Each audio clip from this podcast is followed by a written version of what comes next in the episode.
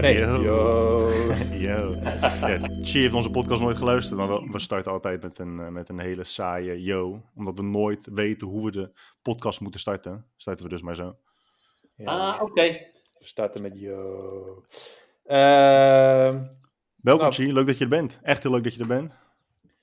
Ja, echt bedankt voor de uitnodiging. Het is Leuk alweer, om eh, ook weer een keer te zien gewoon. Ik wil net zeggen, het is, het is even geleden sinds wij elkaar hebben gezien en eh, hebben gesproken. Ja. Ja, en jammer nog veel langer eigenlijk. Geleden. ja, dat, dat, is, dat is echt heel lang geleden. Het lijkt wel een ander leven, zeg maar. De wereld Ja. was nog heel anders toen. Ik eh, begrijp dat er eh, problemen zijn met, ons, met onze livestream. Misschien Oh. dat, dan- dat daar een beetje uitstel in zit? Of moet je dat misschien nog aanzetten? Nee, die heb ik... eh, Toch handmaten. Die, ik heb als het goed is op live gaan gedrukt. Je zou, je zou denken dat live daadwerkelijk live is, maar misschien zit er een minuut eh, uitstel in of zo. Zou dat kunnen? Ik denk dat we, denk dat we live zijn. Oh. Nou ja, als mensen de chat even kunnen aangeven of het, of het allemaal werkt, deze eerste stream. dan, eh, Ik, zie, eh, ik, heb, ik heb het scherm openstaan en de stream is nog niet... Die is nu gestart. Hij is nu gestart. Ah, Ja. vet. Oké. Nou, dat is Top. top. Nou, ik kan niet mijn schermen meer horen, of wel? Wat zei je, Chi? Mijn scherm eh, spiegelen. Ja, het maakt mij verder- nee, dat kan volgens mij niet, nee. nee. Oké, no problem.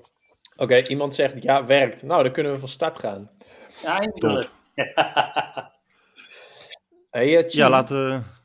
we, we, we hadden al van tevoren afgesproken dat we, dat we eigenlijk de belangrijkste vraag als eerste moesten stellen. Want we willen natuurlijk praten over, over corona en complotten en over Dunning-Kruger effect en dat soort dingen. Ja, Maar van tevoren is het denk ik belangrijk, omdat eh, ook al ben je heel bekend in ons leven, niet in, dat is niet in ieders leven, is, vinden het fijn om te weten waarom, eh, waarom jij je daar zo in interesseert. Waarom je er Oh. veel over schrijft. in het eh, corona-deel. Deel, ja. ja. Ja, om een aantal redenen. Nou ja, zoals je weet, een, een kennisinstituut, vitaliteit, leefstijl en een stuk fitness. Ehm, en vanuit het leefstijldeel heb je ermee te maken en vanuit het klinische leefstijldeel heb je ermee te maken. Ehm, dus dat zijn, eh, dus, dus een beroepshalf hebben we daar gewoon mee te maken. Eh, omdat wij ook patiënten hebben. Dus we hebben ook veel mensen die getroffen zijn, zeker in de eerste golf, en die niet opknappen. En dat zijn eh, relatief jonge mensen. En een deel komt uit onze branche. Dus die zijn ook echt goed fit. Eh, en ook die hebben nu gewoon na tien maanden nog steeds problemen. Dus dat was eigenlijk de reden waarom je je ervoor ging interesseren, om ook dat, dat eigen dashboard te maken. Ja, eh, dat was één. En het tweede is dat wij eigenlijk continu data verzamelen. En dit eh, loopt gewoon mee in de stream. En dan ja, open je je LinkedIn of je opent weet ik wat allemaal. En dan zie je zoveel shit voorbij komen. Dat je op een gegeven moment gaat reageren. En als je drie keer hetzelfde antwoord hebt gegeven, dan denk je... Weet je, ik ga erover posten. Ja, dat is Ja, altijd en mooi. dan stuur ik voortaan de link. Eh, haal je er nog veel plezier uit om, om je te begeven in Facebook-groepen en LinkedIn-groepen en zo? Om daar Nou, te discussiëren? Nee, sowieso heeft dat heel weinig met plezier te maken. Eh, Maar je hebt nog wel een drive. Ja, omdat het, kijk, het heeft niks met plezier te maken, omdat het intellectueel niet uitdagend is. En twee, weet je gewoon dat ze eerst net doen alsof ze openstaan. En als je na drie keer niet meebuigt met het verhaal, dan worden ze persoonlijk. Uh, Dat is Mhm. altijd hetzelfde. Dus er is, je leert niks en je weet dat het uiteindelijk gaat leiden tot uh, persoonlijke aanvallen. Dus dat is eigenlijk altijd hetzelfde patroon. Dus de reden waarom ik het überhaupt doe, want ik ga ervan uit dat ik degene met wie ik in gesprek ben niet uh, overtuig. En dat hoeft ook niet. Uh, maar ik weet dat er heel veel meelezers altijd zijn. En die meelezers, die denken, ja, er klopt iets niet, maar ik kan mijn vinger er niet op leggen. Mhm. En dat is de groep waarvan je zegt, ja, die wil je in ieder geval de onderbouwde andere kant van het verhaal laten weten. Oh, oké. Ja, ik, heb jou, uh, ik heb jouw vorige podcast ook geluisterd met uh, eindbazen volgens mij. Ja. Uh, En daar maakt hij een, een, mooie, een mooi onderscheid tussen informatie, kennis en wijsheid. Ja. Wellicht dat je dat voor onze luisteraars ook nog een keer kunt, kunt uitleggen. Want ik denk dat daar een, een, een, een, een, de basis zit voor heel veel problemen waar we nu tegenaan lopen. En met problemen bedoel ik een groot deel onbegrip voor wat er nu daadwerkelijk gebeurt. Ja, nou zeker. Uh, het onderscheid maken tussen die drie is natuurlijk super belangrijk, want informatie is er zat. Um, en informatie kun je gewoon googlen. Maar dat is niet hetzelfde als kennis. Kennis is iets wat je opbouwt en dat is gestructureerd die informatie aangereikt krijgen en tot je nemen. En uiteindelijk de dwarsverbanden leggen. Dus daar zit een opbouw in. Uh, en daar heb je tijd voor nodig. Dat kost gewoon tijd. En mijn uh, ervaring nu al is, is dat als jij in 2019 niet wist wat een PCR-test was, dat je ook nu gewoon beter je mond dicht kan houden. Zeg. Ja? Dus je hebt dan informatie, je hebt kennis en dan heb je nog wijsheid. En wat is wijsheid? Wijsheid is niet alles weten, maar wijsheid is juist op een gegeven moment zoveel kennis hebben dat je de juiste vraag kan stellen. En je gaf toen aan in dat gesprek dat de, de moeilijkste persoon om mee te discussiëren is iemand die wijs is, maar niet intelligent. Uh, nou, dat is een type, maar er is nog eentje die is nog eigenlijk lastiger. En dat zijn de hele intelligente mensen met een overtuiging zonder kennis. Kun je voorbeeld dus geven? Als ik vertel van, nou, het zit zo, weet je wel, dit is het verband. Dan zegt een intelligent persoon, nee, wacht even, dat zeg jij wel, maar het kan ook zo. Het kan zo zitten, het kan zo, het kan zo. En hij kan zomaar tien mogelijkheden opnoemen op basis van mijn antwoord. En hij kan dat omdat hij intelligent is. Maar als je kennis hebt van het verhaal, dan kan je er al negen wegstrepen. Nou, ja, want je kunt elf opties hebben, terwijl er is er maar één juist in sommige gevallen.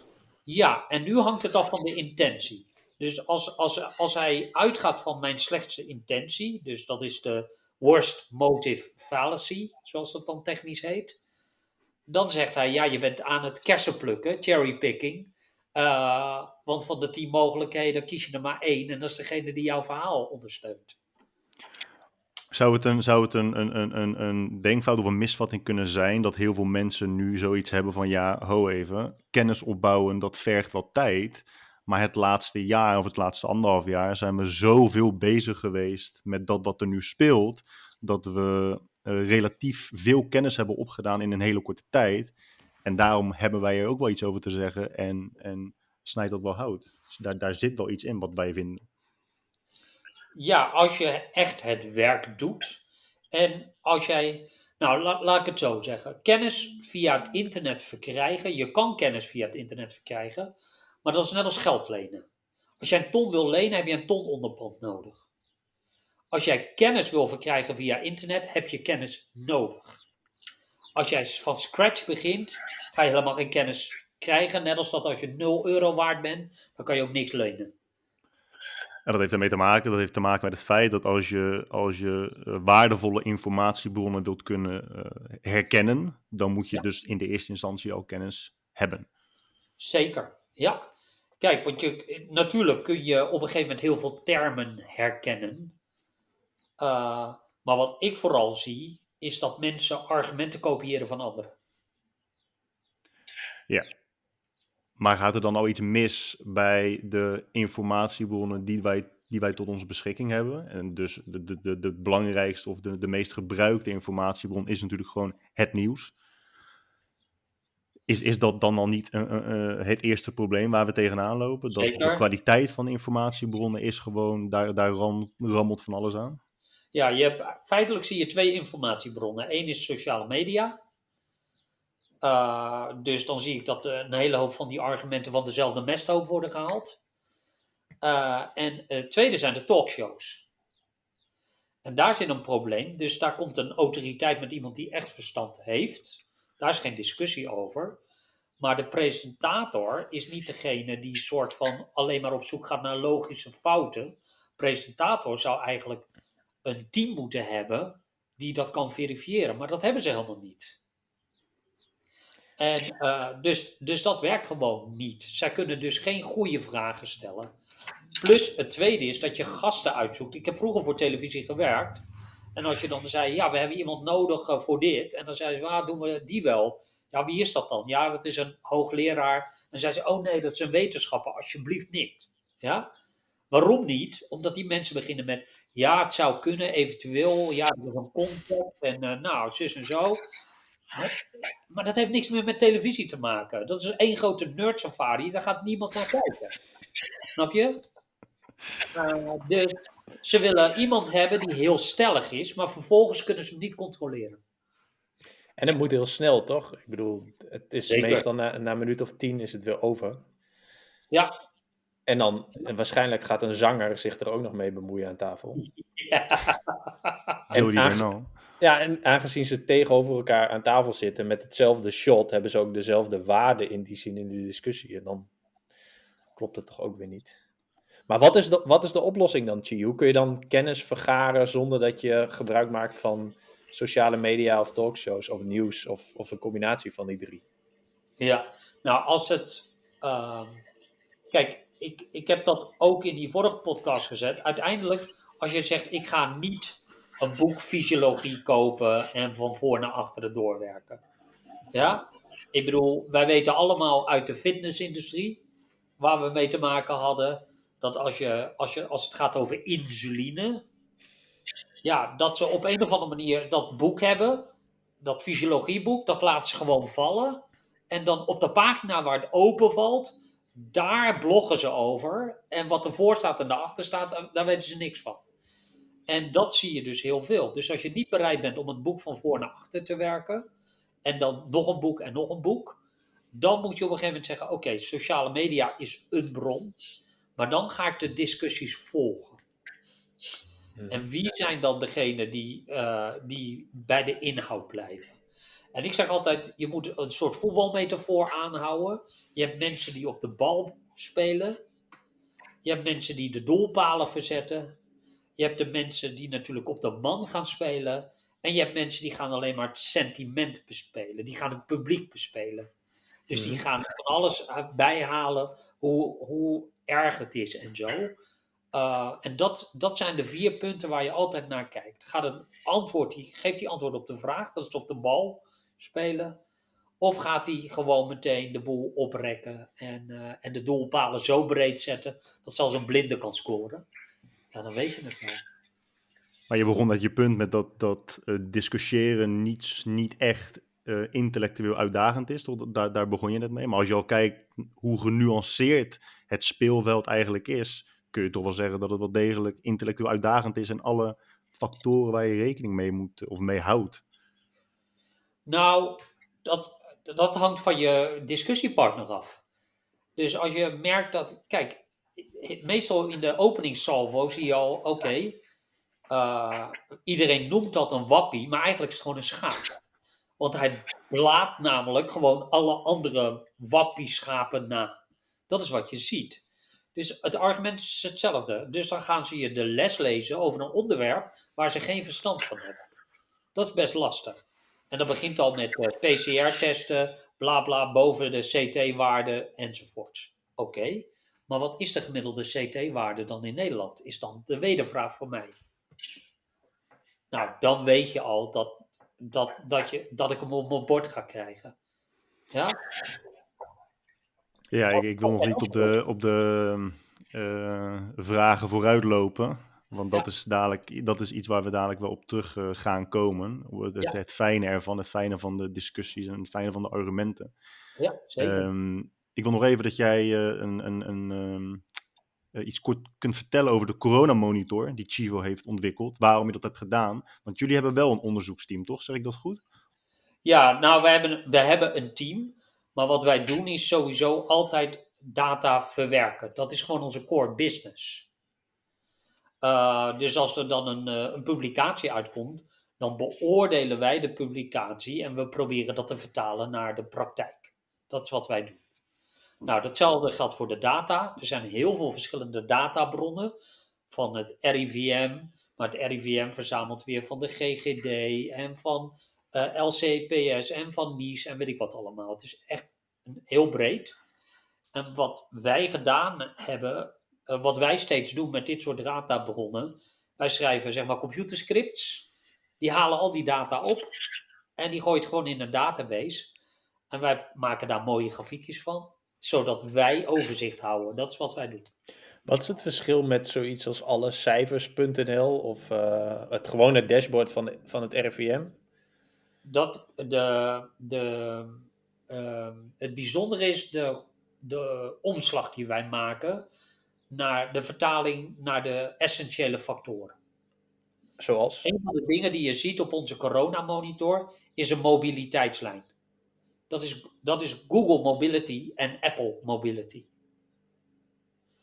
En wat je ziet is dat als wij meer gaan bewegen, en we kijken naar een paar zaken, naar het werk, naar winkels en naar uh, OV-stations. Uh, uh, mm -hmm. Zodra die omhoog gaan, weet je dat de besmettingen een week later gaan volgen. Er is alle cijfers, trekt dat soort verbanden niet. RIVM doet dat soort verbanden ook niet. RIVM heeft wel percentage positief, dus er zijn duizend mensen getest, er zijn 50 mensen positief. Uh, maar dat hebben ze pas in, nou, ik denk november geïntroduceerd. En wij hadden het vanaf juli. 1 juli zijn wij ermee begonnen. Uh, dus wat je ziet is dat wij steeds kijken, maar wat is nou relevant en wat voorspelt? En het percentage positief voorspelt redelijk goed, namelijk hoe, wat de nieuwe ziekenhuisopnamen gaan zijn. En de mobiliteit voorspelt dan een week weer eerder. Mm. En uh, de andere bronnen geven dat niet. Dus jij kunt nu ongeveer op basis van die data voorspellen wat er volgende week gebeurt. En over twee weken. Ja, er zit alleen één probleem in. De nieuwe ziekenhuisopnamen worden niet meer goed bijgehouden. En dat komt omdat een, een, een deel van de mensen nu thuis wordt verpleegd. Okay. En die komen niet in de cijfers. Dus wij zijn nu op dit moment ergens tussen de 6 en de 800 mensen kwijt. Oké. Okay. Ja. Dat is een beetje. Is, trouwens, dit is een hele specifieke vraag. Maar wat ik me steeds afvraag is waarom vaccinaties geteld en geschat worden. Kun jij daar een antwoord op geven? Zeker, want, maar dat is met al die dingen, want die rapportages zijn afschuwelijk. Waarom? Omdat er nou, verschillende systemen kijk, zijn. Kijk, de GGD doet zijn best. Dus dat is het laatste wat ik wil zeggen. Maar die hebben een computersysteem, een landelijk computersysteem. Als je met meer dan drie mensen begint te typen in dat ding, dan stort het hele systeem in elkaar. Dus ze moeten elkaar bellen, kan je uitloggen en dan kan ik erin. Ja? Uh, dus dat is zeg maar GGD 2021. Dus wat je ziet is dat we regelmatig computerstoringen hebben, ook op de besmettingen, ook op de vaccinaties. En er liggen er zulke stapels, die kunnen dan nog niet ingevoegd worden en die komen daarna. Ah, oké. Okay. Ja. Ja, het valt dus mij altijd op dat er... We begonnen met weekcijfers, want we dachten, ja, die dagcijfers gaan we dus niet doen. Nee, precies. Want er zijn, er zijn nooit ergens storingen, heb ik het idee. Behalve bij de GGD. Die hebben er, iedere, die hebben er iedere dag één. Nou, ook. Maar als je zeg maar een beetje in die overheidskant zit. Ik vroeg het laatst aan iemand die overheids-IT-projecten doet. Ik zeg, kan jij één project noemen wat tien jaar geleden of langer dan tien jaar geleden uh, opgeleverd is, uh, wat ook werkt? En hij kon er geen één op noemen. Ja. Ja, dat is maar we, gaan nu, we maken nu de, de sprong naar, naar data. Hè, en, en dat komt omdat uh, wij in ieder geval van mening zijn dat data belangrijk is. Ja. Maar er is natuurlijk wel een hele grote groep mensen die A, data niet vertrouwt, uh, data niet begrijpt en ook gewoon data niet gebruikt. Um, hoe komt dat? Waar, waar, zit dat? waar zit dat verschil in? Waar, is de, waar komt de drang naar begrijpelijke verhalen vandaan? En waarom voert dat altijd de boventoon? Waarom is het niet gewoon de consensus onder de mens dat data belangrijker is dan de verhalen die je, die je hoort op Facebook of die je leest op Facebook en die je hoort op verjaardagsfeestjes? Dat heeft met een aantal zaken te maken. Je moet eerst openstaan. Als in open-minded zijn? Uh, ja. En open-minded zijn gaat makkelijker uh, als je een tof leven hebt. Als in, uh, als, je, als je van je basisbehoeftes wordt voorzien, of als ja, je daar nog een paar stappen bovenop staat? Ja. Oké. Uh, en als je dat niet hebt, uh, dan ga je zien dat er zoiets ontstaat als uh, machteloosheid aan de ene kant. En als je dan ook nog de eigenschap hebt dat je heel graag uniek wil zijn, uh, dan wordt jouw wereldje echt heel klein. Ja, want er is een, er is een sterk verband hè, tussen uniek willen zijn en uh, de, de, de, uh, geloven in, in complottheorieën. Ja. Maar is, is de drang of de behoefte om uniek te zijn, is die altijd bewust of is dat veelal onbewust? Nee, die is absoluut onbewust. Absoluut onbewust? Ja. Oké. Okay. Ja. Hoe wordt die bepaald dan? Is dat, is dat ge genetisch of sociaal, cultureel, emotioneel? Ja, dus deels heeft dat te maken met. Uh, kijk, als je kijkt naar. Uh, ja, als, je, als je vanuit de psychopathologie uh, aan vliegt. Nou, dan heb je de zogenaamde Dark Triad. Dus dat is machi machiavellisme, narcisme en psychopathie. En die drie zijn met elkaar verbonden. Eigenlijk zijn er nog meer factoren. Er zijn eigenlijk negen factoren, maar de drie, deze drie zijn het bekendst. En die liggen heel duidelijk in de persoonlijkheid. En daar is, en met name met psychopathie, is, daar is een genetische basis voor. Dus dat is één. Maar dat wil niet zeggen dat je dan per definitie bijvoorbeeld psychopathische neigingen hebt. Dus maar 1% van de bevolking die dat heeft. Um, en uh, maar 10% zijn wat wij oneerbiedig altijd halfjes noemen. Uh, die uh, die kunnen afhankelijk van de omgeving waar ze in zitten, meer of minder gecorrigeerd worden. Ja? Uh, dus als je dan een situatie hebt, bijvoorbeeld, uh, als we het over die psychopaten hebben, en je hebt het over CEO's, dan zie je dat 4% van de CEO's voldoen aan dat profiel van psychopathie. Dus gemiddeld is 1%, maar bij CEO's is dat 4%, dus die zijn 400% zeg maar uh, oververtegenwoordigd. Nou, stel je voor, jij bent een halfie en jij werkt voor zo'n CEO, dan ga, je, dan ga je wel begrijpen welke kant je uit gaat slaan. Want je kan twee kanten op. Dus je, de omgeving speelt daar een rol in.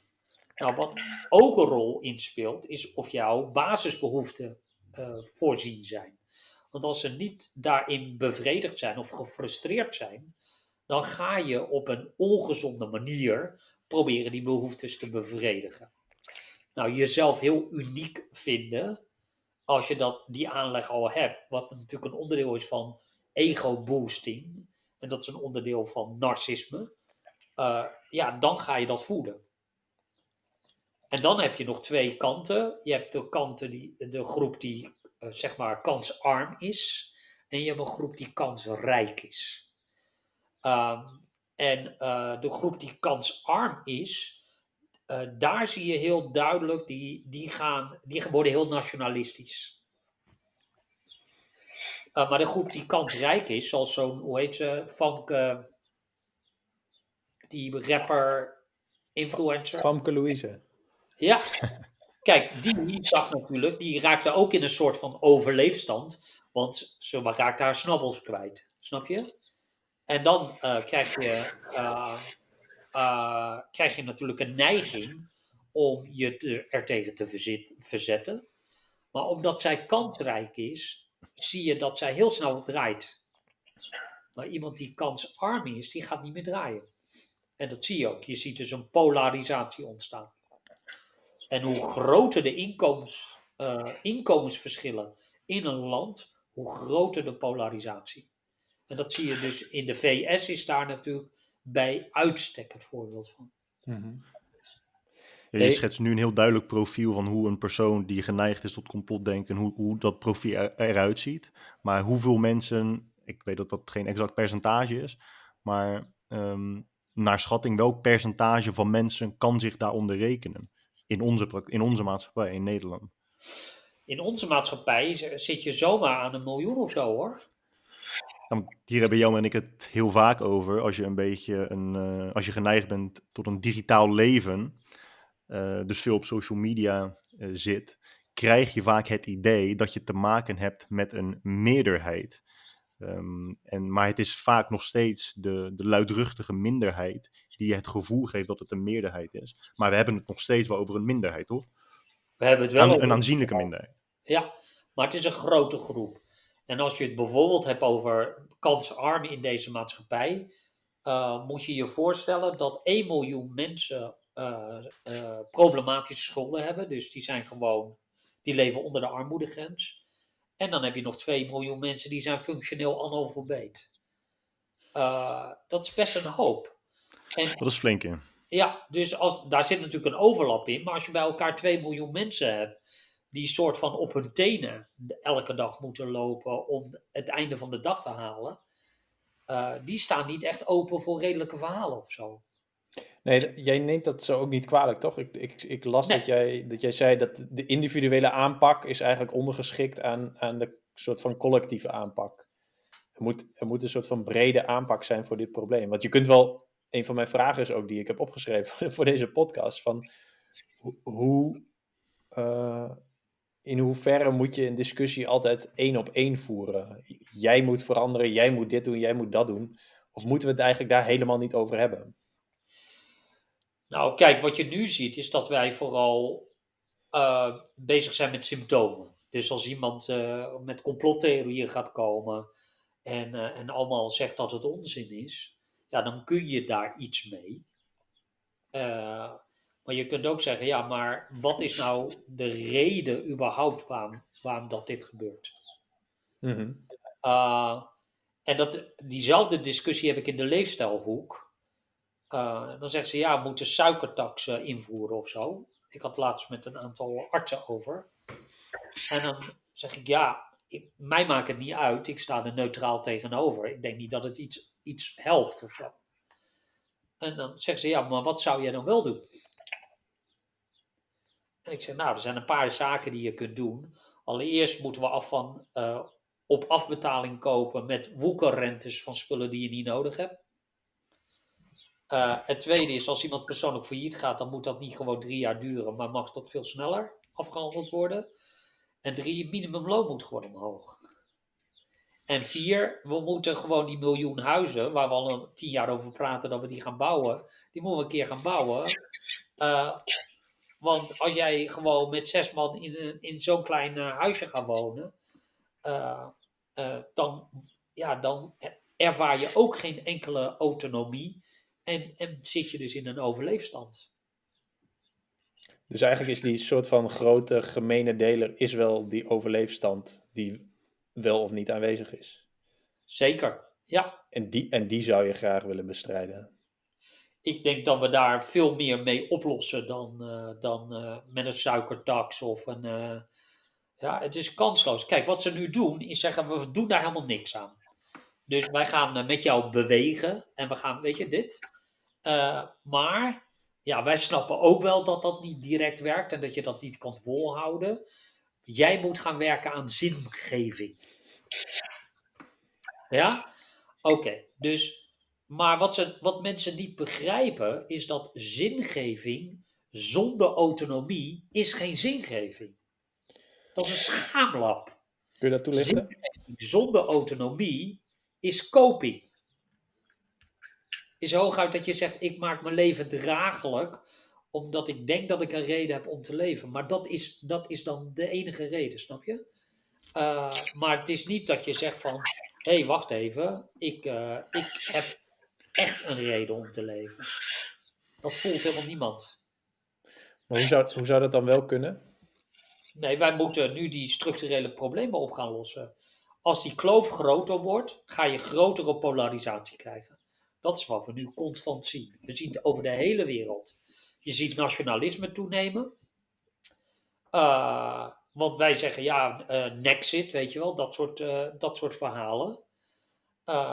En, dan, en, en, dan denken we dus dat we het goed doen.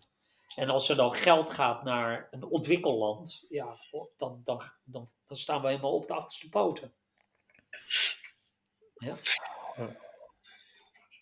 Heetje, ik zou het heel graag nog willen hebben over uh, uh,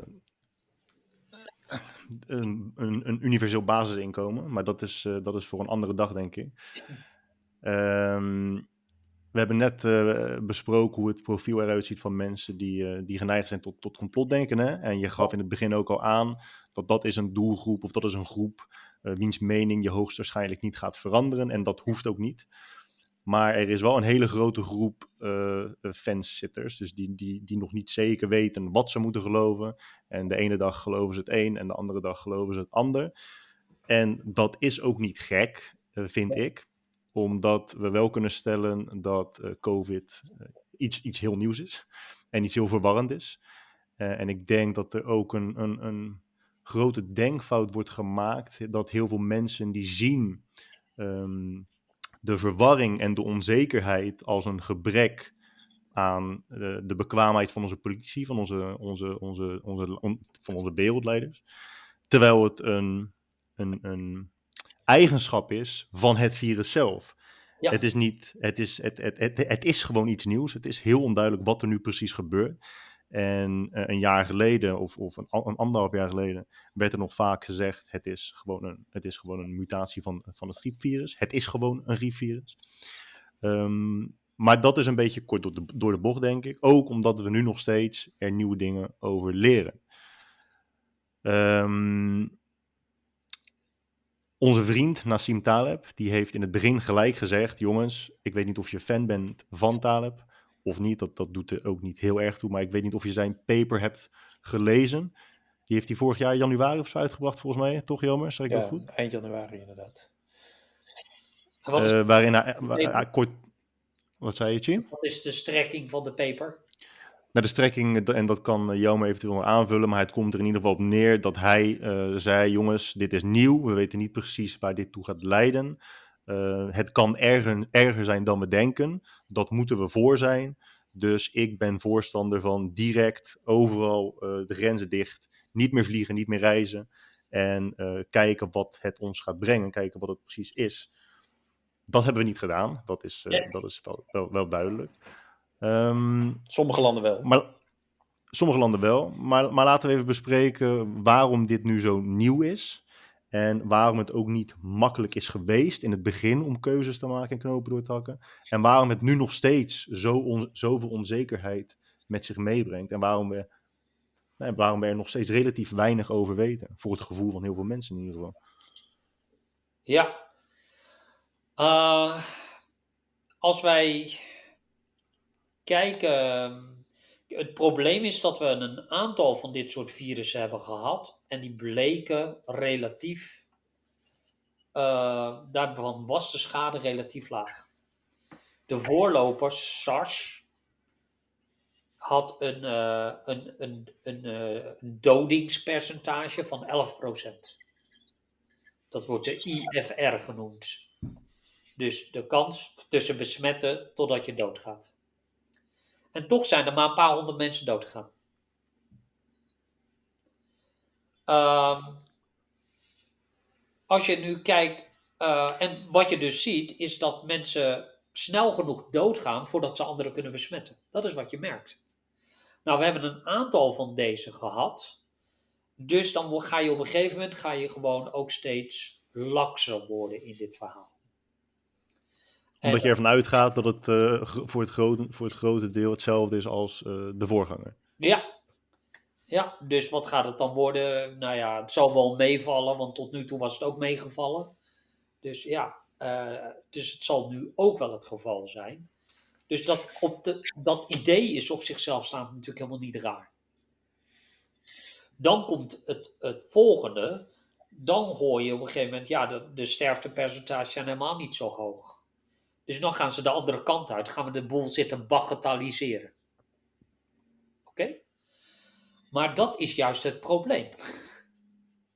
Ja, ik wil zeggen, is, is dat het niet? Gaan er niet te weinig mensen dood om het serieus, te nemen, om het serieus genoeg te nemen? Om in twijfel te houden, gaan er te weinig mensen dood. Ik bedoel, het is geen ebola, waar, wat ook een uitbraak was, waar, wat ook met een vliegtuig de wereld overging.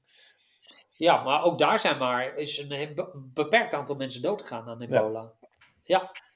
ja. Uh, omdat, omdat 80% doodgaat. En, uh, en, en rap. En pijnlijk trouwens. Uh, maar dat gaat echt, dat is dus, hoe dodelijker het is, hoe kleiner de kans is dat het zich verspreidt. Maar wat je nu ziet, is dat ehm, het veel dodelijker is dan griep. Want die cijfers zijn nogal, uh, daar wordt heel veel mee gespeeld, dus daar, daar, zitten, daar zitten problemen in. Uh, maar het is ongeveer tien keer dodelijker dan griep. En die cijfers, want volgens mij heb ik je dat toen ook horen uh, zeggen, maar misschien ook nog voor onze luisteraars wel belangrijk. Want er is een verschil tussen inderdaad de cijfers die bijgehouden worden van oké, wie raakt ermee besmet en overlijdt er uiteindelijk aan. Ja. Uh, en, dat, en er wordt onderscheid gemaakt met dat tweede, ontgaat me nu even, maar dat kun jij ongetwijfeld uitleggen. Ja, er worden eigenlijk, je hebt eigenlijk drie groepen. Je hebt de mensen die besmet worden, je hebt de mensen die ziek worden en je hebt de mensen die doodgaan. Oké? Okay? Juist. Nou, als ik van besmet naar, naar dood ga, dan noemen we dat de IFR. Dus de Infection Fatality Rate. Dus dat is, dat is wat we weten uh, van, uh, van corona. Maar we weten het niet zo goed van griep. Omdat als jij griep hebt, laat jij je niet testen, toch? Nee, exact. Dat heb je nooit gedaan, denk ik. Ja. Nee. Nee. Dus wat wij vooral weten is als mensen ernstig ziek worden, dan weten we dus pas wanneer dat ze griep hebben en dat ze doodgaan. En dat is de CFR. Dus in plaats van ik ben besmet, ga je van ik ben ziek en dan ga ik dood. Dus ik, Mhm. ja. Nou, deze eh, verhouding is heel anders dan deze verhouding. Ja. En wat we weten van griep is dat de CFR, dus ik ben ernstig ziek en ik ga dood, die is 0,2 procent. En van corona? Hm, Wat zei je? En van corona is dat? Nou, dat hangt van het gebied af. Maar bij ons is het ergens tussen de 0,6 en 1 procent.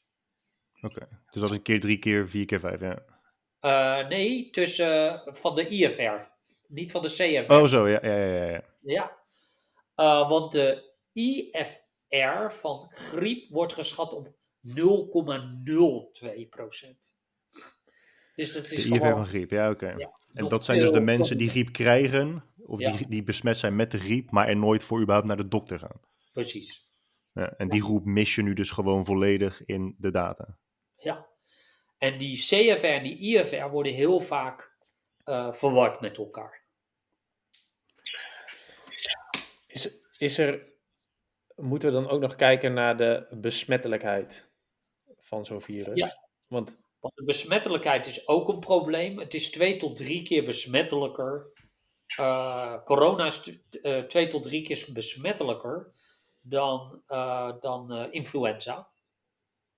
Eh, en dat was de, de voormalige versie, eh, zeg maar de D614. Maar de nieuwere soorten, die zijn nog een keertje besmettelijker. 40, 50 procent.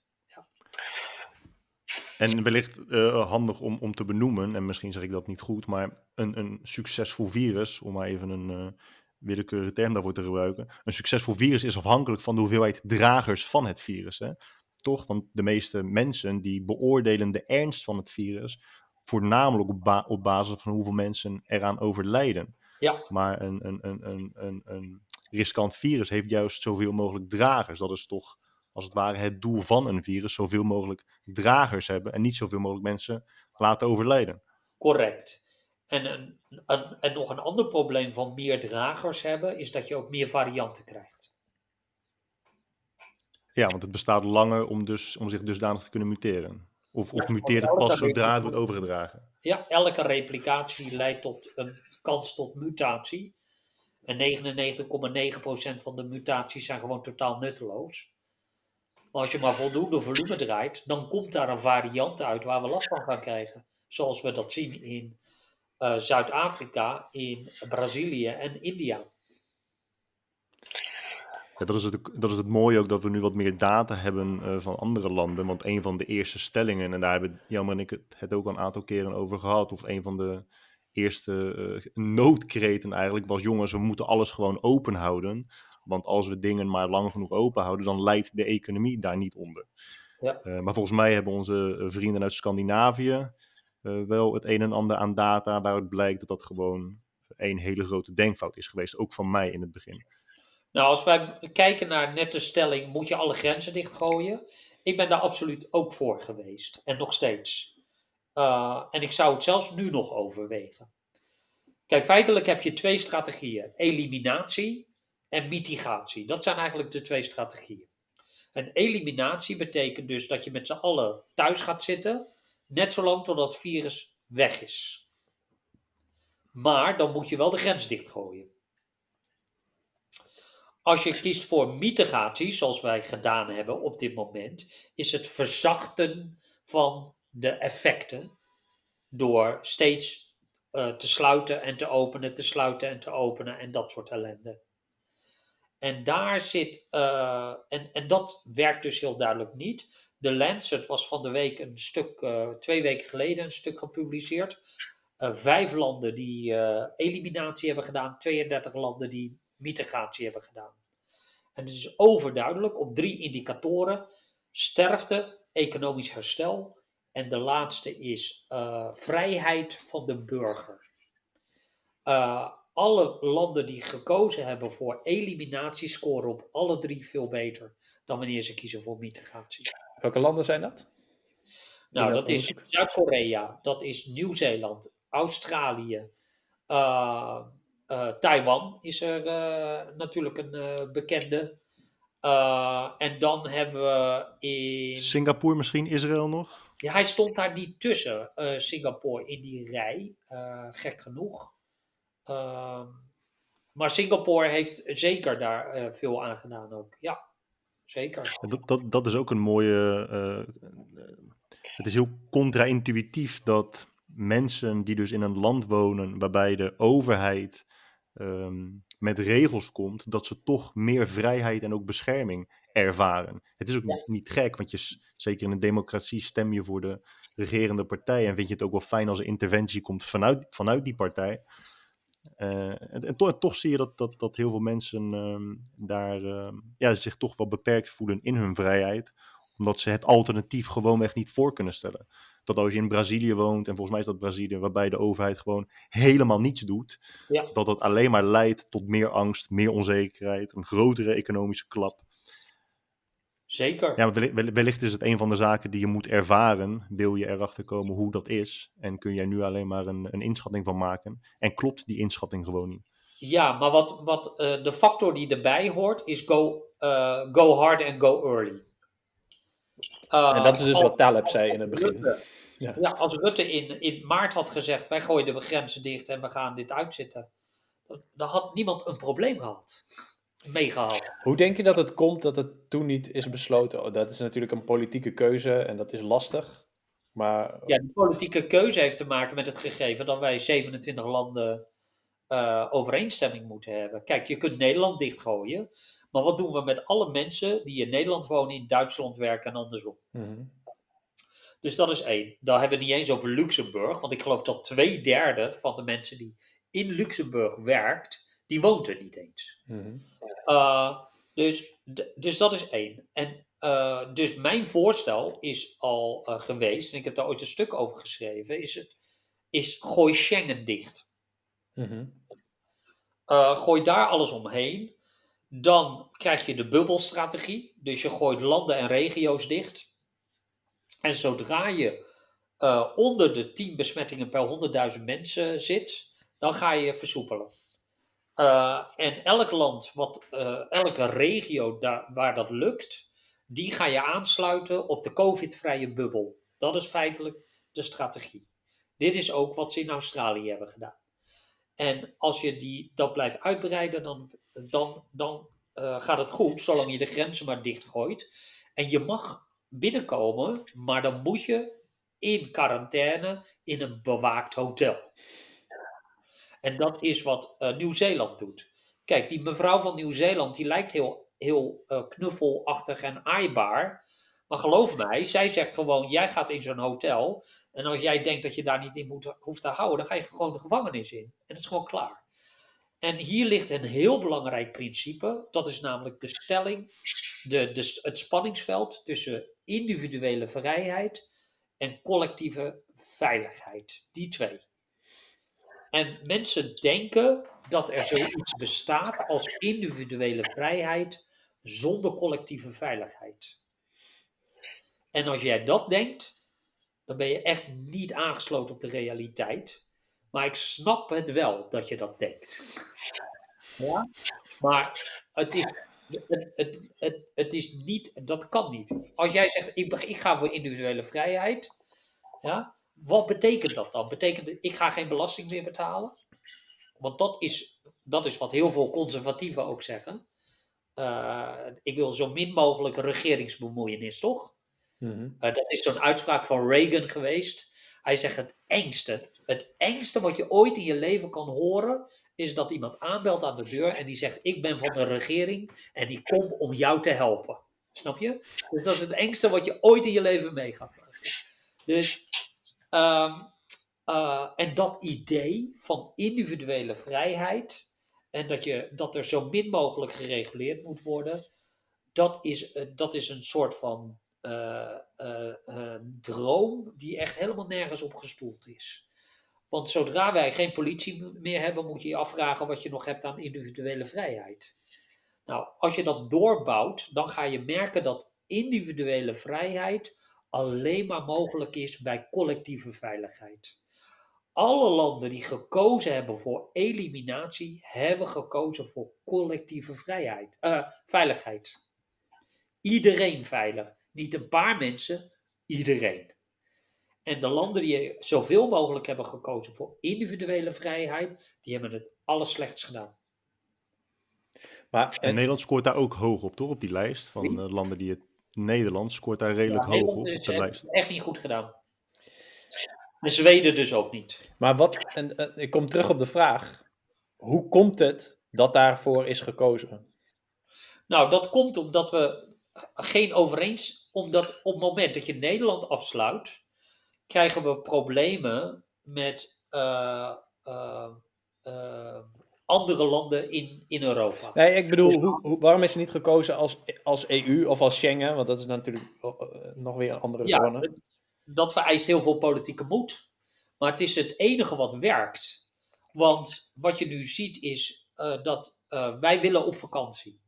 Ja? Geef, maak één land geel in plaats van oranje. En we staan gewoon allemaal, kruipen we de, dat haringblik in. Ja. Uh, dus uh, dus dat, dat, is, dat is een probleem. Nou, wat je ziet is dat Spanje 15% toerisme, Griekenland 25% toerisme. Dat is waar zij van leven.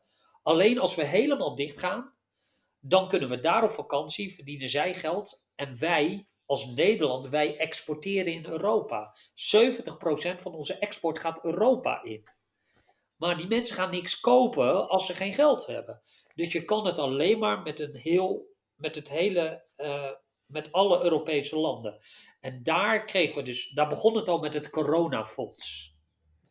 Nederland, Denemarken, die zeiden ja, hallo, uh, Italië, wij gaan niet betalen voor jullie. Ja, Spanje, we gaan niet betalen voor jullie. Dus dat, dat, dat hele verhaal over eurobonds en weet ik wat allemaal. Nou, ik weet niet of je dat hebt meegekregen, maar uiteindelijk is er iets van een compromis ontstaan. Maar het daar zit dus het probleem.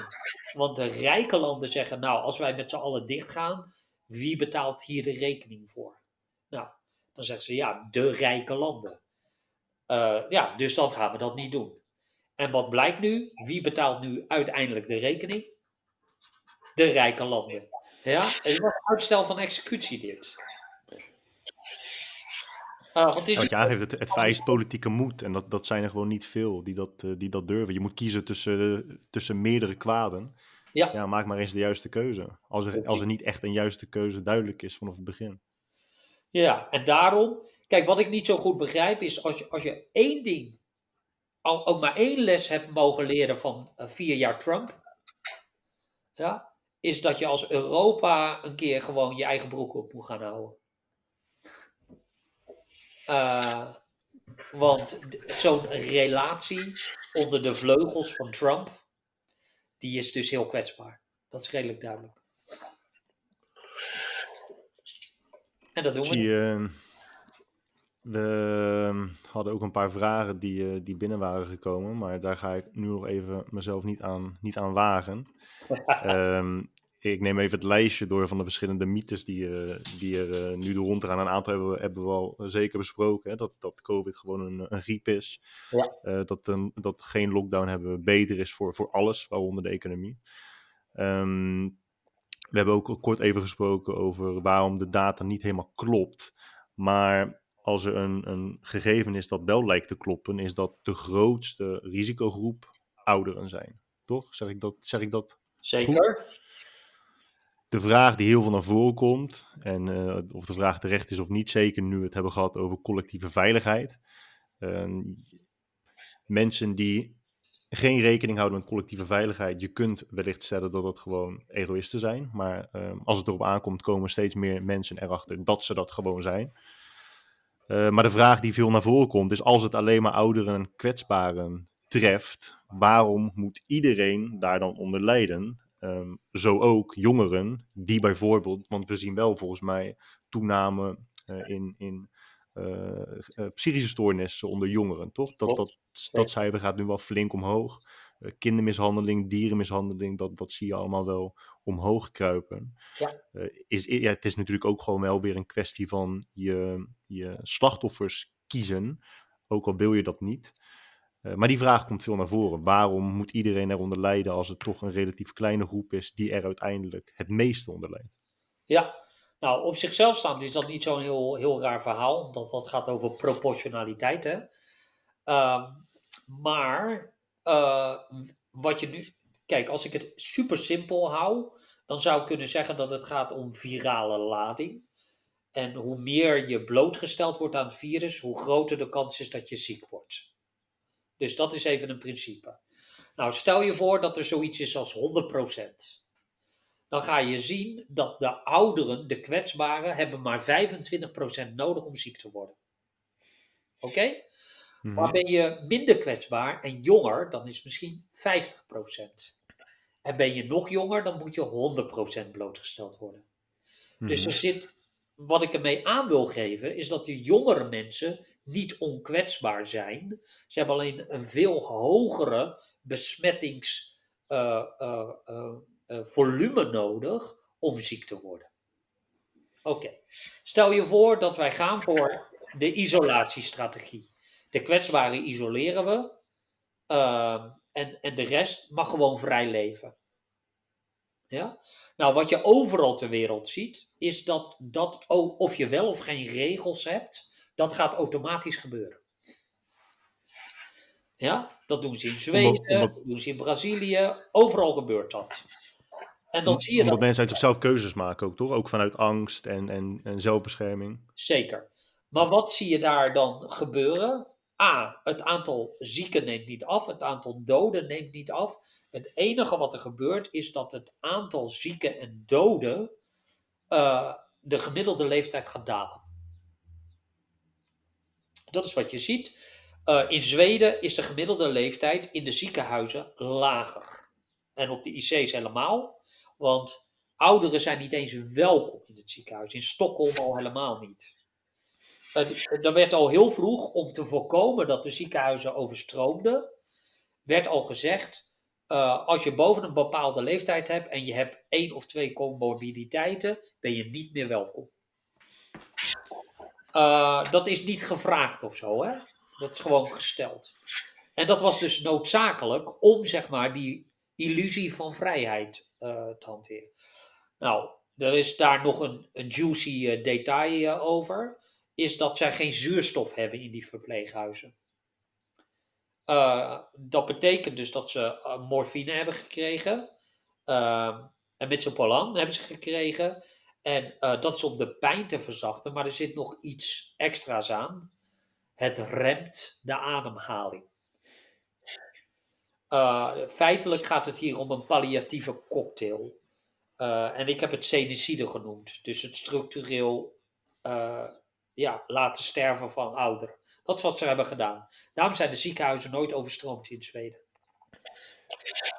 Ehm, maar ze hebben disproportioneel vijf keer meer uh, doden in die groep dan bijvoorbeeld de Noorwegen.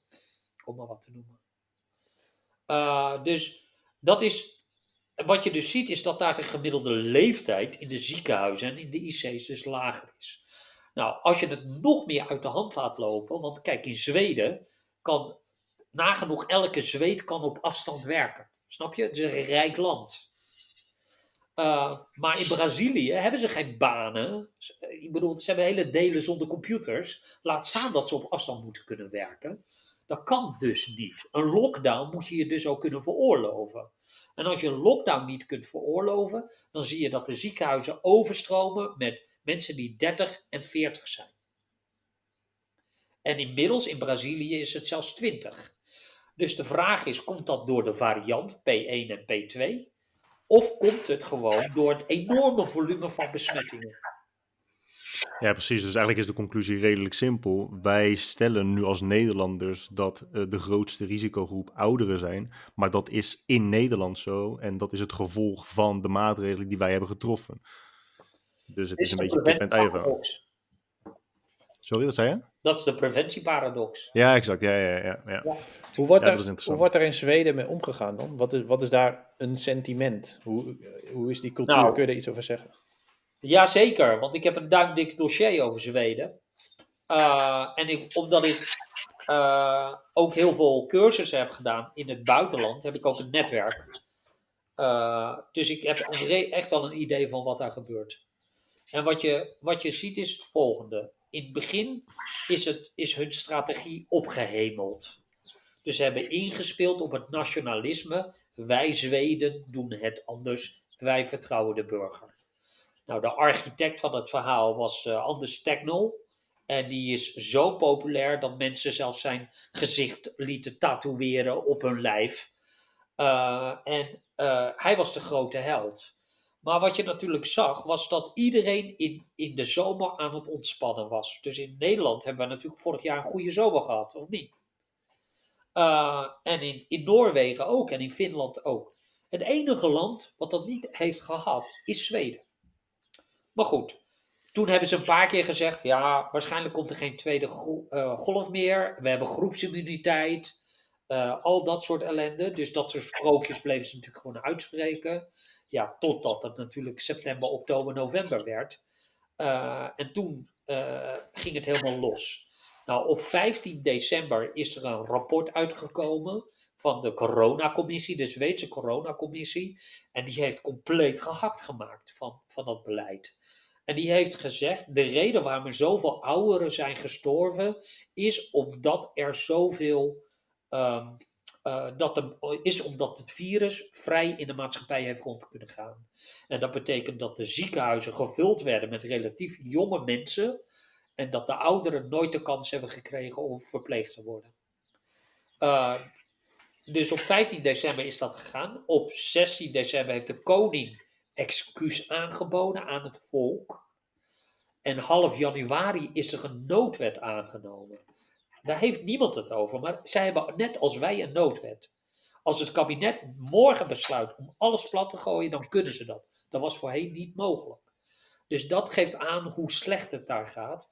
En het vertrouwen in het beleid is van 78% naar 28%. Hier is het 56% en dat is al laag. Waar is het het hoogst in de EU? Weet je dat? De wat? Waar is het, dat vertrouwen het hoogst in de EU? Zijn er verschillen in, in Europa? Ja, op dit moment, uh, kijk, dat is, uh, zijn wisselkoersen. Uh, maar in, in het Verenigde Koninkrijk zijn ze natuurlijk hartstikke blij nu. Ja, ik zag dat er, wat waren er? Nog maar 50 cases per dag of zo? Of... Ja, ja op, op, op 66 miljoen mensen. Ja. Dat is toch, dat ja. is toch netjes. Dat is toch netjes. Maar ja, dat is gelijk een mooi bruggetje ook naar het... Oh, sorry, jammer. Nee, nou ja, maak je bruggetje maar. ja, ik denk dat het een mooi bruggetje is gelijk naar het vaccin, want dat is nu natuurlijk uh, dat is nu, uh, de, een hot topic. Um, hè, het eerste wat je vaak nu te horen krijgt is dat het vaccin is, is, is nieuw. Het is een nieuw vaccin. Dat uh, klopt voor een klein deel. daar mag je zo over vertellen als je wil, Chi. Ja. Um, wat ik een probleem vind, is dat eerst wordt men uh, vanuit het nieuws een jaar lang redelijk bang gemaakt voor corona. En dat is, dat is wel terecht. Um, alleen wat je nu dus ziet, is dat de vaccins die gebruikt worden en getest worden, ehm, dat elk probleemgeval gelijk, gelijk een nieuwsitem wordt. Ja. Dus de angst voor vaccins neemt nu toe, terwijl dat de oplossing is voor ons probleem. Ehm, ja, wat, wat, wat vind jij daarvan? Valt jou dat ook op? En, en hoe kunnen we daar nu mee omgaan? Hoe kunnen we vertrouwen krijgen of hoe kunnen we vertrouwen geven aan mensen die dus toch wel steeds meer lijken te twijfelen over het nemen van vaccins? En waarom zouden ze dat niet moeten doen? Ja, kijk, feitelijk zijn er twee typen vaccins. Je hebt de mRNA-vaccins, dat is Moderna en Pfizer. Uh, dat zijn de nieuwe, nieuwe soorten vaccins. En dan heb je Janssen en AstraZeneca. Maar ook uh, Sputnik en al die andere uh, vaccins. Die zijn allemaal gebaseerd op hetzelfde principe. Ze hebben een adenovirus gepakt. Dat is een verkoudheidsvirus, als het ware. En daar injecteren ze een heel klein stukje DNA van, van het, van het, uh, van het SARS-CoV-virus, zeg maar. En, zo, en als dat het lijf ingespoten wordt, dan gaat het immuunsysteem reageren. Uh, Janssen en AstraZeneca, die behoren dus tot dat adeno-vector-platform. En die, en die worden ook allebei geassocieerd met, zeg maar, tromboseklachten. Uh, de mRNA-virussen, uh, de vaccins, dus Pfizer en Moderna, die hebben, uh, die hebben een ander principe. Kijk, als je, als je kijkt naar hoe, die vectorvirussen werken, dan wordt eigenlijk een, een stukje van het virus een, een, een, ingebracht, zodat het immuunsysteem het leert herkennen. En de mRNA-virussen, daar wordt de beschrijving van de verdachte ingebracht. Dat is het verschil. Maar hoe werkt dat dan zonder, zonder dat het te moeilijk wordt voor Guy en mij en iedereen die kijkt en luistert? Ja, nee, dus het wordt wel ingespoten, maar het zijn instructies. En zodra die instructies, het is dus helemaal niks van het virus. Het is alleen een instructie. Dus zodra een cel dat binnenkrijgt, dan leest hij dat af. Oh ja, dus ik moet voortaan uh, letten op die gast met een grote dikke snor en uh, dit en dat. En dan moet ik reageren. Snap je? In plaats van dat ze zo'n gast met zo'n dikke snor, met een, die een beetje brengen. afgezwakt is, in, inbrengen. Ja, precies. Ja. En beide varianten van, het, van dat vaccin, dat, is dus al, dat, dat bestaat al langer dan een jaar. Ja, er zijn een paar. Uh, kijk, waar, waar men het meest uh, uh, over valt, is omdat mRNA-vaccins, ja, dat wordt dan gentherapie genoemd. Uh, want ja, daar, daar, dat, dat, dat heeft een negatieve lading. Ja. Uh, ja, en dat is natuurlijk net als met GMO's. Uh, daar, daar zit natuurlijk het probleem. Maar dit is een instructie. Je verandert niets aan de genen. En welke, welke, welke merken, welke bedrijven hadden dat vaccin, zei je? Die Pfizer instructie en injecteren? Pfizer Moderna. Ja. En over het algemeen worden die als veiliger beschouwd ook, toch? Ja, dat is de ironie. ja. Ja. Maar uit de cijfers blijkt dus iets anders. Uh, ja, nou, wat je, nee, de ironie is dus dat, dat, uh, dat, dat men vooral zeg maar die uh, Pfizer en die Moderna wantrouwde. Maar de problemen zitten in die andere hoek. Ja, exact. Ja. De traditionele vaccins. En als je het hebt over problemen, is, um, het zijn toch maar echt maar een paar cases op heel veel, of een paar gevallen op heel veel vaccins? Klopt. Maar wat je nu krijgt, is het, is het narratief dat iemand zegt: Ja, wacht even, maar normaal doe je 20 jaar over het ontwikkelen van een vaccin. Ja, oké. Okay, ja. Nu gebeurt dat in een jaar en zie je, nu hebben we problemen. En wat is, wat is, jouw, wat is jouw counterargument op mensen die dat zeggen? Nou, het gaat natuurlijk niet om snelheid, of om, om snelheid, het gaat om of je alle fases doorloopt. Mm-hmm. En wat is nou de beperkende factor in het doorlopen van die fases. Dat zijn er twee. Eén is computerkracht en de ander is geld. En die twee, die zijn ruim beschikbaar. Ja, inmiddels. En die waren dat natuurlijk ook al best wel snel. Uh, precies. Uh, en, en computerkracht was vroeger natuurlijk wel een probleem. Mm-hmm. Ja? Dus wij vergelijken iets met wat we 20 jaar, 30 jaar, 40 jaar geleden deden maar dan met onze Commodore 64. Ja, En dan zeggen, ja, het kan helemaal niet in een jaar. Nee, met een Commodore 64 kan het niet in een jaar, dat klopt. Ja? Uh, maar nu hebben we natuurlijk gewoon cloudwerk. Uh, en, uh, en, en, dus dat gaat heel snel. Sterker nog, als je naar die mRNA kijkt, dat, dat klinkt bijna bizar, maar op 10 januari werd het genoom werd bekend.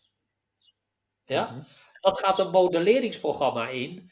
En met een druk op de knop wordt, nou ja, even simpel gesteld, wordt gewoon met een 3D-printer wordt het vaccin uitgeprint. Dus, dat is hoe het tegenwoordig werkt. Dus het was 10 januari ook al klaar direct? Nou, al heel snel. Ja. ja, in een paar weken was het geregeld. Dan moet je het nog testen. Ja. Maar goed, even twee dingen. Dus je computerkracht is één. En twee is uh, financiën. Nou, dat was geld zat. Uh, dus je doorloopt alle fases. En dan zeg je, maar hoe, weet, hoe komen al die problemen nu? Nou, stel je voor dat jij uh, uh, twee groepen hebt van, uh, van 20.000 deelnemers die je test. Ja? en daar komen nul problemen uit. dan heb je eigenlijk alles gecoverd. Wat je niet gecoverd hebt, zijn die ziektes die 1 op 100.000 of 1 op een miljoen voorkomen. En uh, de enige manier om dat te testen is als je dus een miljoen mensen gaat vaccineren. Ja. Maar dan ben je dus al massaal aan het vaccineren. Ja? En daar zit het probleem. Want wat je dus ziet is dat het niet gaat om tromboses, maar het gaat om een hele unieke uh, reactie op een auto-immuunziekte. Dus jij moet die auto-immuunziekte hebben, die heel zeldzaam is. En dan krijg je een reactie. En we hebben daar ook nog oplossingen voor. Maar er bestaat, ook, er bestaat ook gewoon geen middel, en in ieder geval geen medicijn, dat je aan tientallen miljoenen mensen kunt geven binnen een heel kort tijdverstek. En gewoon geen enkele reactie, of geen enkele averse reactie ziet. Nee. Dat, dat bestaat ook gewoon niet, toch? Nee, zeker niet. Maar er is iets heel kenmerkends aan vaccins. We ontdekken altijd binnen een paar weken de problemen. En dat is met geneesmiddelen niet het geval. Dat kan na jaren pas komen. Maar er is geen enkel vaccin. Want ik zeg dat altijd. Mensen zeggen altijd ja, maar de langetermijn, weet je wel, uh, uh, werking. En dan zeg ik, noem één vaccin. Wat pas na een paar jaar, wat pas na, van een paar jaar pas duidelijk werd dat daar problemen uitkomen. Er is geen voorbeeld. Nul. Maar dat zijn dezelfde mensen die waarschijnlijk zeggen dat je van bepaalde vaccinaties uh, autistisch kunt worden. Of uh, welk vaccin was dat ook alweer? dat, dat ontgaat me nu. Ja, ik kan wel even een paspoortje kijken hoor. Dan zit het ja. vast tussen. Ik weet nog dat er hier wel iets met kwik en zo te maken had. Ja. Ik heb, ik heb een aansluitende vraag uit de chat trouwens, van Leon Man, vriend van de show. Die zegt... Ja, uh, hele goede vriend van de show. Wat, wat is Cheese mening over, de, uh, over het vaccinatiepaspoort en de testsamenleving? Ik weet niet precies. Ja, nou dat is een ethisch uh, verhaal. Kijk, in de basis ben ik niet zo voor. Omdat dat per definitie leidt tot een tweedeling van de maatschappij. Ehm, maar... Uh, en, en we kunnen ook niet mensen dwingen tot een vaccin, omdat dat in strijd is met lichamelijke integriteit, de regels van lichamelijke integriteit. De vraag is dus uh, of je het laat bij de ondernemer. Ja, bijvoorbeeld van een kroeg die, die kan vragen of je, of je het even wil laten zien voordat je naar binnen gaat. Precies. Uh, en daarom ben ik nog steeds voor een Schengen-lockdown. Maar wat is nu exact het probleem? Want dat is het vaak de vraag die je gesteld krijgt. Is uh, als de mensen die gevaccineerd worden straks gevaccineerd zijn. En de mensen die ervoor kiezen om niet gevaccineerd te worden. Uh, die kiezen ook dus direct voor het risico om nog ziek te worden. Wat is dan precies het probleem? Want mensen die niet gevaccineerd zijn, hebben daar zelf voor gekozen. Het probleem is dat zij een virusdepot gaan worden. En dus een bron van mutaties. Dus de, de kans dat het vaccin uh, in, in kracht afneemt of dadelijk gewoon helemaal niet, niet meer doet wat het zou moeten doen, die kans wordt aanzienlijk groter als er steeds meer mensen zijn die het vaccin weigeren. Kijk, wij weten bijvoorbeeld dat AstraZeneca niet werkt tegen de Zuid-Afrikaanse variant. Dus in Engeland zijn ze nu heel blij. Ik weet niet of ze blij blijven als de Zuid-Afrikaanse uh, versie daar gaat huishouden. Begrijp je? Uh, want dat is allemaal ja, AstraZeneca. Dus de kans is gewoon heel aannemelijk dat dit straks een vaccin wordt dat je elk jaar moet krijgen. Ja, Pfizer uh, heeft, heeft er alvast een, een, een mooi cashflow-plan van gemaakt. dat is die hebben ook daar de techniek voor. Dat is natuurlijk ook weer een voedingsbodem hè, voor, voor complotdenken en aversie tegen zoiets.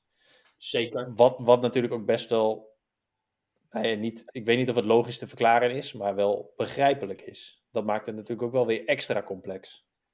Nou, het past in het narratief in zijn algemeenheid natuurlijk, dat de voedselindustrie en de farmaceutische industrie die werken samen. Hmm. Want met de voedselindustrie worden we uh, zeg maar dik en ziek gemest. Uh, zodat de farmaceutische fabrikanten medicijnen kunnen verkopen. Dus dat is zeg maar het, uh, het, dat hele narratief, daar past het perfect in. Ja. Um, en, en, zeker, ik bedoel, er is nu net uitgekomen dat ze tussen de 3 en de 5 miljard, uh, miljard over gaan houden, Pfizer. Uh, over dit hele verhaal. En 2021 gaan ze helemaal afsluiten met een dikke bonus. Uh, dus ja, mensen vinden dat natuurlijk vervelend. En ze wantrouwen het ook. maar, wat, maar er zijn een paar dingen die ze niet en, en wat ze ook vervelend vinden, is dat het uh, de ontwikkeling van die vaccins, de mRNA-technologie, is betaald met overheidsgeld. Door de universiteiten. Dus dit is een heel complex verhaal. Maar wat de meesten niet begrijpen, zijn een aantal zaken. Pfizer heeft geen geld gekregen voor het ontwikkelen van het vaccin. Want er was een programma Warp Speed van Trump. En zij hebben gezegd, daar gaan we niet aan meedoen, uh, want daar zitten veel te veel mits en maren aan. Wij financieren het zelf. Uh, daarom was het ook zo lachwekkend dat Trump uh, het succes van Pfizer ging claimen. toen bleek dat, dat zij de winnaar waren. Dus dat is één. Het tweede is dat ja, farmaceuten en universiteiten werken samen. Maar de patenten liggen van de basistechnologie liggen bij de universiteiten en die krijgen geld als er een succes is. Dus daar financieren ze nieuw onderzoek mee. De vraag is, wat is de verdeling? Ja, die ligt nu misschien op 10, 90 of zo. 10 voor de universiteit en 90 voor uh, de farmaceut. Dan zeg je, klopt die verhouding? Ja, want als jij fase 1, 2 en 3 onderzoeken moet doen als Pfizer, dan kost je dat gewoon een miljard of 2 miljard. Stel je voor dat het niet werkt. Zegt de universiteit dan, nou, dan lappen wij de helft van de schulden. Wat gebeurt er? Nee dus. Uh, dus er is een risico. Pfizer neemt een risico en die wordt daar flink voor beloond. Uh, uh, dus ja, wat dat betreft zie ik daar niet zoveel problemen mee. Het enige wat ik nu zeg is, nou joh, luister, jullie hebben voldoende geld verdiend. Uh, maar nu komen we in een situatie van nationale veiligheid. En dat is als wij uh, niet als een gek in India en in Brazilië en god weet ik waar gaan vaccineren, dat wij dus echt uh, heel snel in de problemen komen. En wij moeten uit nationale veiligheid op een gegeven moment gewoon zeggen: wij gaan beslag leggen op die patenten. en we gaan ze een jaar lang royalty vrijgeven. Want, want je bent pessimistisch over, over de huidige situatie, of over de toekomst eigenlijk, de nabije toekomst. Ja, kijk, Pfizer, uh, nou ja, zeker. Want stel je voor, er komt een nieuwe variant. Nou, je weet het inmiddels, één druk op de knop, poef. Uh, en de 3D-printer komt met een vaccin. Uh, maar dat kring moet eerst nog getest worden. Dus we zijn vier maanden verder. In het gunstigste geval. Mm uh, wat doen we in die vier maanden dan? Ja, jij, jij, een lockdown zei je. Ja, als het aan mij ligt wel. Dus wat mij betreft, dus er zijn een aantal zaken. We hebben een zogenaamde COVAX-programma vanuit de WHO. Daar kun je als land vaccins doneren. Nou, ik heb de teller vandaag nog opgezocht, 38 miljoen. Ja, ik weet niet wie in India gaat eh, vaccineren met 38 miljoen, maar helemaal niks. Als je door het toilet heen spoelt, dan merk je, dan is het verschil even groot, zeg maar. Eh, dus dat gaat gewoon niet gebeuren. En van die 38 miljoen heeft het merendeel heeft Nieuw-Zeeland eh, eh, gedoneerd, geloof ik. Want die hebben niet zo'n haast. Ze hebben geen problemen. Dus als zij een maand later moeten vaccineren, vinden ze het ook best. Ja. Ja? En dat maar dan, dan zeg je dus ook, zo- zolang er dus landen bestaan die er nog relatief laks mee omgaan, eh, en dus altijd de kans blijft bestaan dat zulke landen variaties creëren, of ehm, ehm, Ja. mutaties creëren, die dus op de lange termijn voor problemen kunnen zorgen, ook in ons land, dan moet je die landen dus gewoon volledig dichttimmeren. Ja, zeker. Want zolang dat niet gebeurt, blijft het gewoon een probleem op de lange Maar, termijn. maar dan krijg je dus weer individuele vrijheid op het gebied van als, als land dus en collectieve veiligheid als wereld. Zeg maar, dan ga je even een stapje, een niveautje hoger, zeg maar nu. Ja, kijk, ik eh, had een soort van als grap voorgesteld. Nee, er is geen enkel land van een vaccinpaspoort gaat eisen. Dus geen enkel land. Behalve van buitenlanders. Mhm. Dus als, als, als, als, als we in Nederland zeggen, nou, wij hebben geen vaccinpaspoort, dus jij kan gaan en staan waar je wil, maar jij wil naar België en België eist het wel, dan kan de regering zeggen, ja, kunnen wij niks aan doen. Dan moet je bij de Belgen zijn. Ja. Ja, dan hebben we het probleem gewoon opgelost. Uh, met draagvlak zijnde, snap je? Ja. Uh, en uh, uh, dus wij, ja, ik zie niet anders als wij, kijk, de mutaties, de, de varianten die komen, hoeven niet per se erger te zijn. Oké? Okay? Dus, want er is geen richting uh, in evolutie, het is random. Dus het kan ook zijn dat het op een gegeven moment soort van tot onschuldig muteert. Ja, maar de, een ergere variant wordt, is toch, dat is toch per definitie die overleeft? Of, of de maak ik een denkfout? Nee, uh, het kan zijn dat de patho pathologie, de ziekte die je ervan krijgt, minder wordt. Ja, oké. Okay. Dus dat het wel ja? besmettelijker is, dus daarom een succesvolle virus is, maar minder uh, ja. minder dodelijk. Ja. Nee, kijk, het liefst heeft een, de, de, de ideale mix is iemand die, uh, die een fantastische host is. En daarna nog een keer als host kan dienen. En nog een keer als host. En nog een keer als host. Ja. Dat is, dat is de, de, de droom. ideale. De virusdroom. Ja. Want dat, ja, de virusdroom. De natte droom van de virus. Dat is ook wat er is gebeurd met de Spaanse griep, uh, toch? Als ik, het, uh, als ik het goed zeg. Want de meeste mensen die zeggen dus ja, waarom kunnen we niet gewoon hetzelfde doen als wat er met de Spaanse griep is gebeurd? Dat is ook gewoon opeens verdwenen. Uh, maar die is ook, die is met de tijd onschuldiger geworden. Maar dat is geluk bij een ongeluk. Nou, nee, dat is gewoon geluk hebben. Het is iets wat, uh, wat, uh, wat een reële kans is.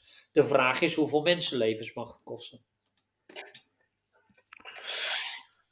Ja, het, je, je ziet gewoon dat het echt een probleem is dat mensen het denken zo erg beperken tot het eigen land en gewoon weigeren voorbeeld, voorbeelden te gebruiken van landen waarin het, waar het zoveel uh, erger is geweest en niet in kunnen zien dat als wij hetzelfde pad gaan bewandelen, ook dat als eindresultaat zullen ervaren. Ja, kijk, dat, maar dat heeft alles weer met het uitgangspunt te maken. Kijk, je kunt altijd de variant, de verklaring nemen met de meeste aannames die jou uitkomen. Kijk, bij India zeggen ze ja, oké, okay, ze zitten nu wel de lijken op te stapelen, maar ja, er wonen 1,3 miljard mensen of zo. Weet je wel, of 1 miljard mensen. Dus procentueel valt het best wel mee. Ja, ja dat zo kun je denken. Mm. Ja? Maar wat ze niet weten is, kijk, als jij, als jij ziet dat er een, een 20% van de mensen die getest is, is positief. Dat kan niet. Dat kan maar op één manier, als er onderrapportage is. Ja. Ja, dus dat is één. Het tweede is dat als je kijkt naar de, het aantal doden, dan gaat dat ongeveer zo. Maar als je kijkt naar het aantal chromaties, dan gaat dat zo. Oké, okay, dat is een tweede signaal dat er onderrapportage is. Snap je? Het is ja. veel erger dan, dan wij denken.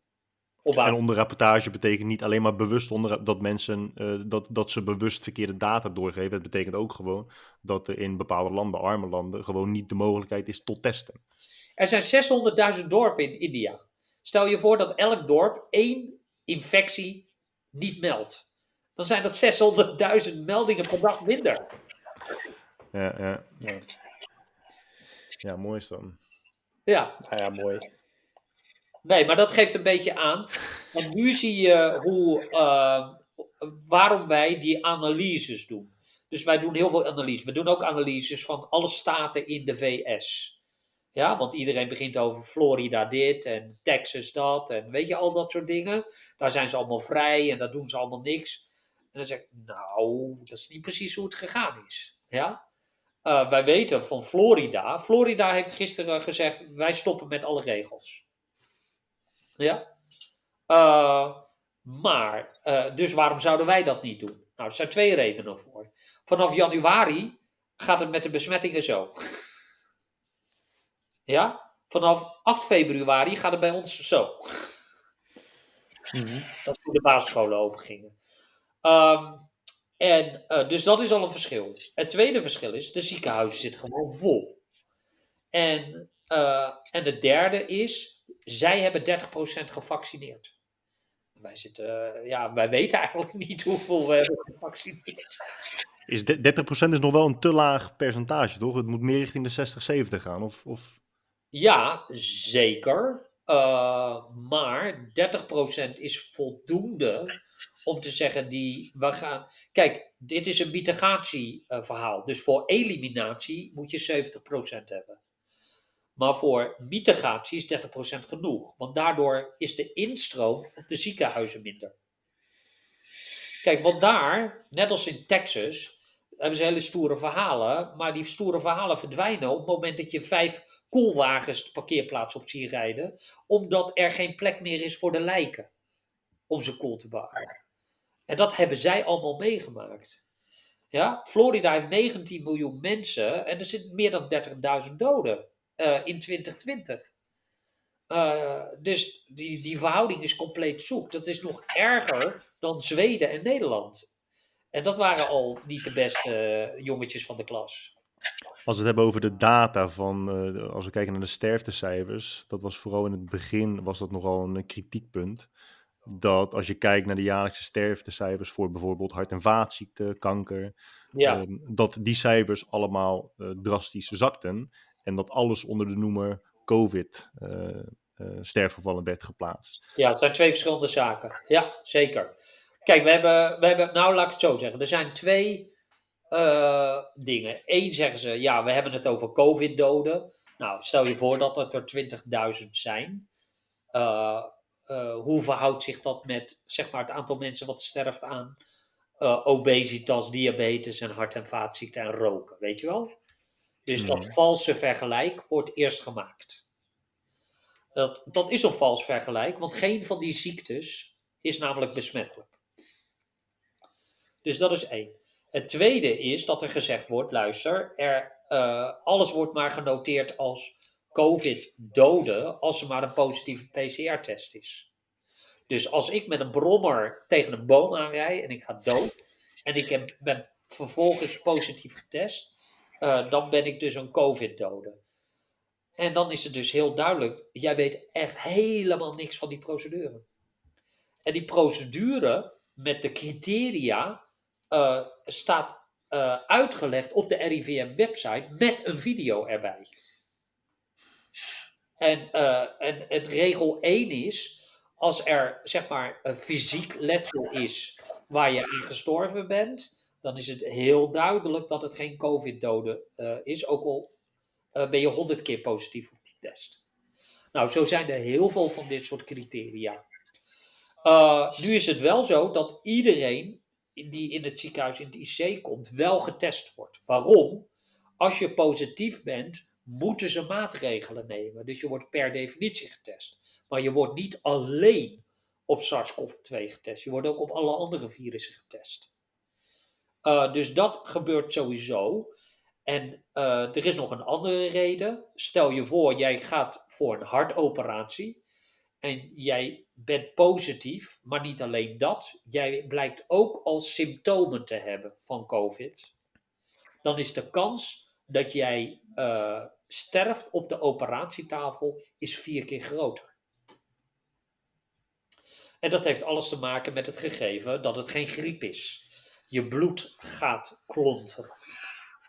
Uh, jouw organen uh, gaan, gaan beschadigen. mensen die prediabetes zijn, krijgen ineens insulineresistentie. door COVID. Dat is geen griep. Dus kortom, een antwoord Wat zijn dan de, criteria?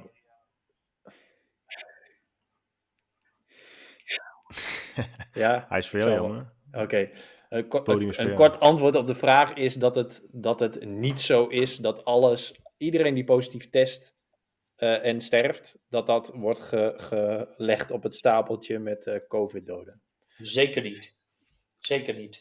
Nee, we missen zelfs heel veel COVID-doden. En dat is de reden waarom dat het CBS eh, daarna nog een keer een schatting probeert te doen met oversterfte. Ja, precies. En dan moeten we bijvoorbeeld kijken, oké, we hadden in 2020 twee hittegolven. Eh, die moeten we eruit halen. Weet je, al dat soort dingen moeten ze dan uithalen. Ja. En dan komen ze nog met een aanvullend cijfer. Hoe betrouwbaar dat is, daar kun je een discussie over hebben. Ik had met Ruben van Gaal een discussie over. Eh, en hij, is verantwoordelijk voor de statistiek bij CBS. Eh, want bijvoorbeeld Noorwegen, die heeft 500 bevestigde COVID-doden. Maar, hun, maar zij hebben ondersterfte, 130 minder dan dat je zou verwachten. Ja, dus zo'n oversterftecijfer is niet altijd betrouwbaar.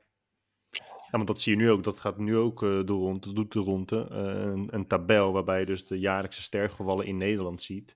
Waarbij je dus ziet dat 2020, 2021 het aantal sterfgevallen lager is of gelijk is aan de jaren ervoor. Ja. Waarna dus de conclusie direct is, joh, het valt allemaal wel heel erg mee. Maar dan komen we dus weer gewoon op het punt dat we kunnen zeggen dat de cijfers die je ziet het gevolg zijn van de maatregelen die wij hebben getroffen. En als we het anders hadden gedaan, zag die tabel er heel anders uit. Nou, dat is deels. Er is ook nog iets anders. Je kan niet jaar op jaar vergelijken. Wanneer weet je of er onder- of oversterfte is? Dat is niet op basis van vergelijk van vorig jaar, maar dat is op basis van de verwachting. Dus stel je voor dat je op dit moment, ik noem maar wat, ik noem maar een getal, je hebt 100.000 90-jarigen. En in een ander jaar heb je maar 5000 90-jarigen. In welk jaar zouden er meer mensen sterven, denk jij? Ja? Dus dat is een factor waar je rekening mee moet houden. Ja? Dus als, als er in dat jaar in één keer eh, bijna iedereen 90 wordt, dan weet je dat er, de kans dat er meer sterfte is dat jaar wordt groter. Hetzelfde geldt voor eh, immigratie- en emigratiecijfers. Ja? Stel je voor dat, dat al die 70ers hun biezen pakken en zeggen: Ja, fuck it, ik ga naar eh, Gran Canaria, ik ben er klaar mee. En ze gaan daar allemaal dood. Ja? Maar dan gaan er daar 10.000 dood en hier hebben we 10.000 COVID-doden. En dan zeggen ja, er is geen verschil. Ja, precies. Snap je? Ik weet niet, maar statistiek is een vak. Ja? Ja, dat is dus het grote probleem van statistiek en data, of de interpretatie van statistiek overlaten aan de gewone burger. Dus gewoon maar percentages op het nieuws eh, laten zien of in de krant plaatsen. En maar hopen en maar denken dat mensen daadwerkelijk iets kunnen met die percentages. Maar dat gaat gewoon niet. En het is, het is ook gewoon een risico, want het zijn percentages zonder enige vorm van context. Precies. En eh, Marcel Levy heeft eh, gezegd: eh, wij moeten nieuwe ziekenhuisopnamen gaan communiceren. Dat heeft hij van de week gezegd. Dat is wat we moeten doen. En, want dan begrijp je de relatie. En dat is iets wat wij dus vanaf 1 juli doen. Wij rapporteren alleen nieuwe ziekenhuisopnamen. Weet je waarom? Omdat ik namelijk, eh, zeg maar, eh, hoe druk het in het ziekenhuis is, dat weet ik, dat hangt af van de effectiviteit van de behandelmethode. Als die beter wordt, lopen ze steeds korter erin. Maar, als, maar het aantal nieuwe eh, zieken, dat is natuurlijk echt heel, dat, dat, dat is kausaal intuïtief ten aanzien van de besmettingen. Dus dat is ook, dat is ook een van de eh, metrics waarop gestuurd wordt, dus, toch? Dus daar ben je het mee Ja. eens. Dat het een, goed, Zeker. dat het een goede strategie is. Om dat, dat en alleen dat te doen. Uh, ja, zeker. Ja, en veel meer dan sterfte. Veel beter dan sterfte. Omdat sterfte natuurlijk gewoon niet zoveel zegt. En we hebben nog een probleem. In Nederland is er een wettelijke verplichting om uh, corona te melden als je het hebt. Dus als je positief wordt getest. Maar er is geen verplichting om iemand als corona dode te noteren. Uh, dus daar zitten ook cijfers in die gewoon niet helemaal lekker lopen. Uh, en die worden dus achteraf veel later pas gecorrigeerd. Je gaf net aan dat je, dat je pessimistisch bent, dat je toekomstbeeld enigszins pessimistisch is. Uh, dus dat houdt in dat jij denkt dat we nog langer dan verwacht tegen, of, of, onder de huidige omstandigheden moeten leven. Denk je dat uh, onze politieke leiders die moeilijke keuzes durven gaan maken? Dus die wellicht over drie, vier, vijf maanden zeggen: jongens, het is niet anders, maar we gaan gewoon weer in lockdown? Nou, ik, ik heb daar moeite mee. Kijk, ik, ik zag al die versoepelingen uh, die doorgevoerd zijn. Die slaan natuurlijk echt als een tang op een varken gewoon. Uh, de ziekenhuizen lopen vol en dan gaan de terrasjes open. Ja, en dan zeggen ze, wat maakt dat dan anders dan parken? Ja, nou, dat verschil is echt heel groot. Ik ken niemand die zegt, ik ga naar Amsterdam om in een park te zitten. Ja, ik ken wel mensen die naar Amsterdam gaan om een terrasje te nemen. Dus dat is al een verschil. Uh, het tweede probleem ontstaat natuurlijk dat uh, uh, als je maar geen alcohol kunt kopen in het uh, park, dan is er niks aan de hand. Als je dat wel kunt, ja, dan creëren we dus een extra probleem. en mensen worden namelijk, ja, gaan zich niet aan de regels houden. En van de horeca weten het. We weten het uit uh, Spanje. In Valencia hebben ze het heel lang dicht gehouden. In Barcelona was de kroeg open tot, de terrasjes open tot vijf uur. En in Madrid was het tot negen uur. Nou, in die volgorde waren ook de meeste besmettingen. Maar hoeveel, hoeveel stappen zijn we dan, denk je, verwijderd? Want we wonen in een, in een redelijk ontwikkeld land hoeveel stappen zijn wij verwijderd van op een gegeven moment gewoon complete chaos en opstand? Dat mensen gewoon zeggen, ja, we zijn er nu helemaal klaar mee en we pikken het niet langer. En dus wel kiezen voor individuele vrijheid, waarvan ze denken dat de meeste mensen het, dat hetzelfde zien als zij. En dat je echt, dat je, dat je serieuze problemen uh, losmaakt hier Ik in denk dat dat, dat nog wel meevalt. En dat heeft met twee dingen te maken. Het overgrote deel van Nederland uh, vindt het eigenlijk wel best zo. Ik bedoel, laten we even wel wezen. Uh, een, een, groot deel, een, een, deel van de bevolking is gewoon genaaid met die toeslagenaffaire. En wat hebben we gedaan? We hebben opnieuw Rutte gekozen. Ja? Uh, dus daar zie ik niet zoveel, zo snel het probleem veranderen. De reden waarom dat het draagvlak vermindert onder de meerderheid is vanwege alle fouten die gemaakt zijn. Dus dat hele uh, vaccin-debakel, waarbij uh, vaccins niet geleverd werden. Achteraf blijkt dat die contracten met AstraZeneca zo zacht zijn als boter. Uh, daar zit iedereen van te flippen. Want de communicatie is ook gewoon echt slecht, toch? Zeker. Ze kunnen het ook... Ja, weet je, Wieberen van Haga die stelt dan een vraag aan Rutte. Het antwoord van Rutte is correct. Maar Wiebe van Haga, en die is statistisch correct. Maar Wiebe van Haga zegt, ik begrijp het niet. Nou, die gast is ingenieur. Die begrijpt heel goed. Ja? Maar die, zit, die speelt willful ignorant. Want hij weet dat hij hier punten mee gaat scoren. Uh, en daar zit een probleem in. Ze kunnen het dus niet duidelijk communiceren. Uh, om, en dat heeft te maken met het gegeven dat ze omringd zijn met nerds. De nerd De nerd safari. safari dus weer. Ja, en de nerds, die snappen gewoon niet waarom mensen deze vragen hebben. Waarom hebben die vraag? Wat? Ja? Ja. ja, ze vinden het of logisch, of ze zeggen waarom zou je dat willen weten. Hm. Dus dat, dat zijn eigenlijk de twee zaken. En dat zie je wel vaker. Je ziet met Bill Gates, die legt ook heel veel dingen niet uit, omdat hij ervan uitgaat dat dat logisch is. Als hij zegt, we moeten vaccineren, Want anders hebben we een probleem met de wereldbevolking, want de wereldbevolking moet kleiner worden. Nou, dan zegt iedereen, zie je wel, dit is, zit gewoon gif in. Ja? En hij denkt, hè? Hoe krijg je dat nou verzonnen? Nee, als je gaat vaccineren, dan gaan mensen minder kinderen nemen, omdat kinderen niet meer in het eerste jaar sterven. Dus neem je in plaats van tien kinderen, kan je gewoon twee kinderen nemen als ze gewoon blijven leven. En dat is goed voor de wereldbevolking. Ja, ze gaan in hun communicatie uit van een bepaalde voorkennis, maar die voorkennis is er gewoon niet. Dus de boodschap komt ook niet juist over. Nee, dus hetzelfde dat hij gezegd heeft, heeft hij echt gezegd, heb ik vandaag over gepost. Hij heeft gezegd, elke dollar die je investeert in een vaccin, krijg je 20 keer terug. Zie je wel?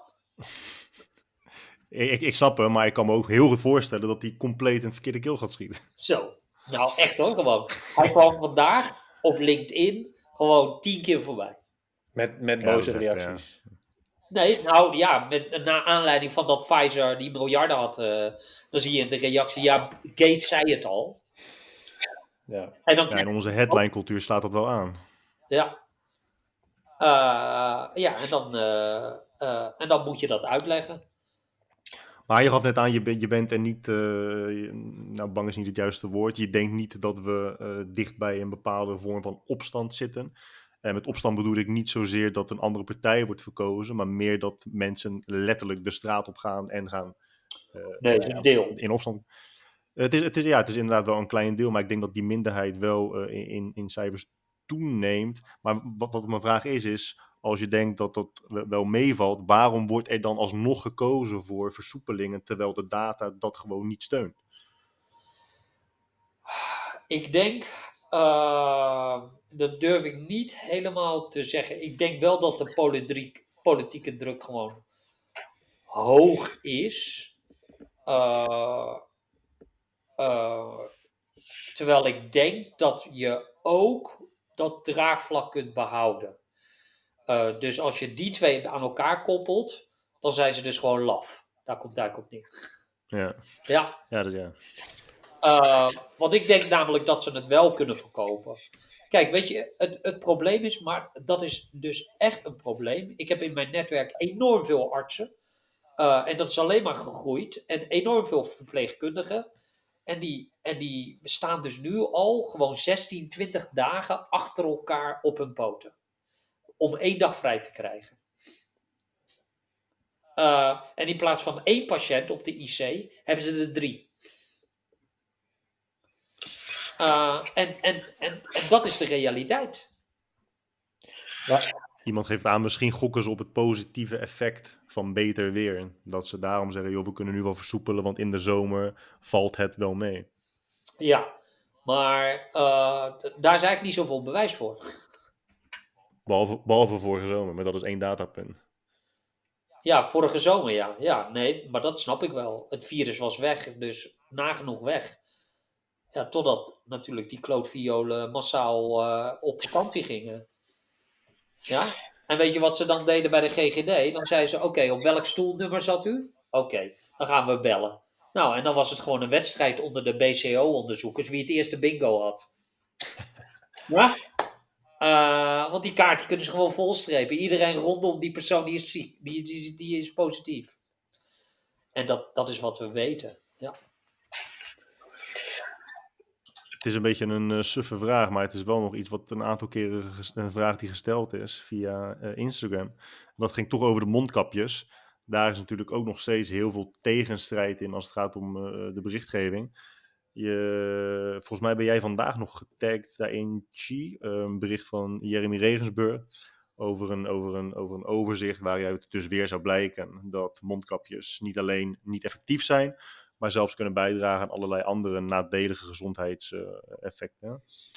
Um, wat, wat is daarover te zeggen? Is dat weer een kwestie van niet zo goed begrijpen dat een kleine procentuele positieve, uh, uh, positief effect op groot niveau, onder grote getallen, heel erg bijdraagt? Of, of zit daar Ja. meer achter? Kijk, wat je merkt zijn een aantal dingen die, die, eh, die, die nog onbekend zijn. Je hebt gewoon een aantal kentallen nodig om een idee te hebben. Nou, allereerst, wat is de besmettingskans binnen een meter? Nou, die is ongeveer 12,5 procent. Wat is de besmettingskans buiten een meter, zeg maar, zeg maar 1 tot 2 meter, die is 2,5 procent. Oké? Dus nu mag je kiezen, wordt het een meter afstand, anderhalve meter afstand, wordt het 1,80 meter zoals de Amerikanen doen. Oké, dan hebben we het masker. Wat gaat het masker doen? Die halveert die kans. Dus 12,5% wordt 6,75. Als beide mensen het dragen of als één van de twee het Als beide mensen dragen. Oké. Dus dat is eh, eh, ongeveer. En dan zeg je, ja, maar hoe is het nou mogelijk als het virus gewoon door de mazen heen kan? Dus kleiner is dan de mazen van de masker. Nou, dat is ook goed te verklaren, omdat als je zeg maar een soort van mechanisch denkt, dan denk je dat een masker vergelijkbaar is met een vergiet. En alles wat kleiner is dan de gaatjes van het vergiet, dat gaat er doorheen. Maar een masker werkt niet als een vergiet, maar het werkt als een swiffer. En de swiffer die trekt stof aan. Dat is een proces van diffusie. En dat is hoe een masker werkt. Uh, dus het gaat niet om de mazen, maar het gaat dus om zeg maar, de elektrostatische lading, als ik dat zo mag noemen, van zo'n masker die ontstaat. Dus, dat, is, dat, is, niet bij alle maskers zo, toch? Dus de katoenen maskers werken uh, niet hetzelfde? Nee, alle maskers werken op die manier. Okay. Als je maar meerdere lagen hebt, ga je zien dat er eerst een soort van Star Wars, weet je wel. Dus dan uh, krijg je die, gaan ze door die, door die ravijnen heen vliegen, totdat ze ergens tegenaan knallen. En dat leidt op een gegeven moment tot een, een, een lading die zorgt voor aantrekkingskracht. Maar, dus dat is, dat is één. Dus maskers werken, maar inderdaad, uh, ze houden niet alles tegen. Net als dat je met een Swiffer niet heel je huis schoon kan maken. En dat je soms moet gaan dweilen en stofzuigen en al dat soort dingen. Dus dat is precies hetzelfde. Uh, dan heb je de uh, de volgende stap. En de volgende stap. Uh, dus ze werken. Maar ze, werken, ze zijn niet 100% beschermd. En ook al hebben twee mensen masker op. Dan wordt de kans op besmetting gehalveerd. Maar niet 100% weggenomen. Oké. Dan zijn er nadelen aan maskers. Behalve dan dat je er stom uitziet. Uh, ja. Uh, en uh, allereerst is de vraag: uh, krijg je hypoxie van die maskers? Krijg je zuurstoftekort?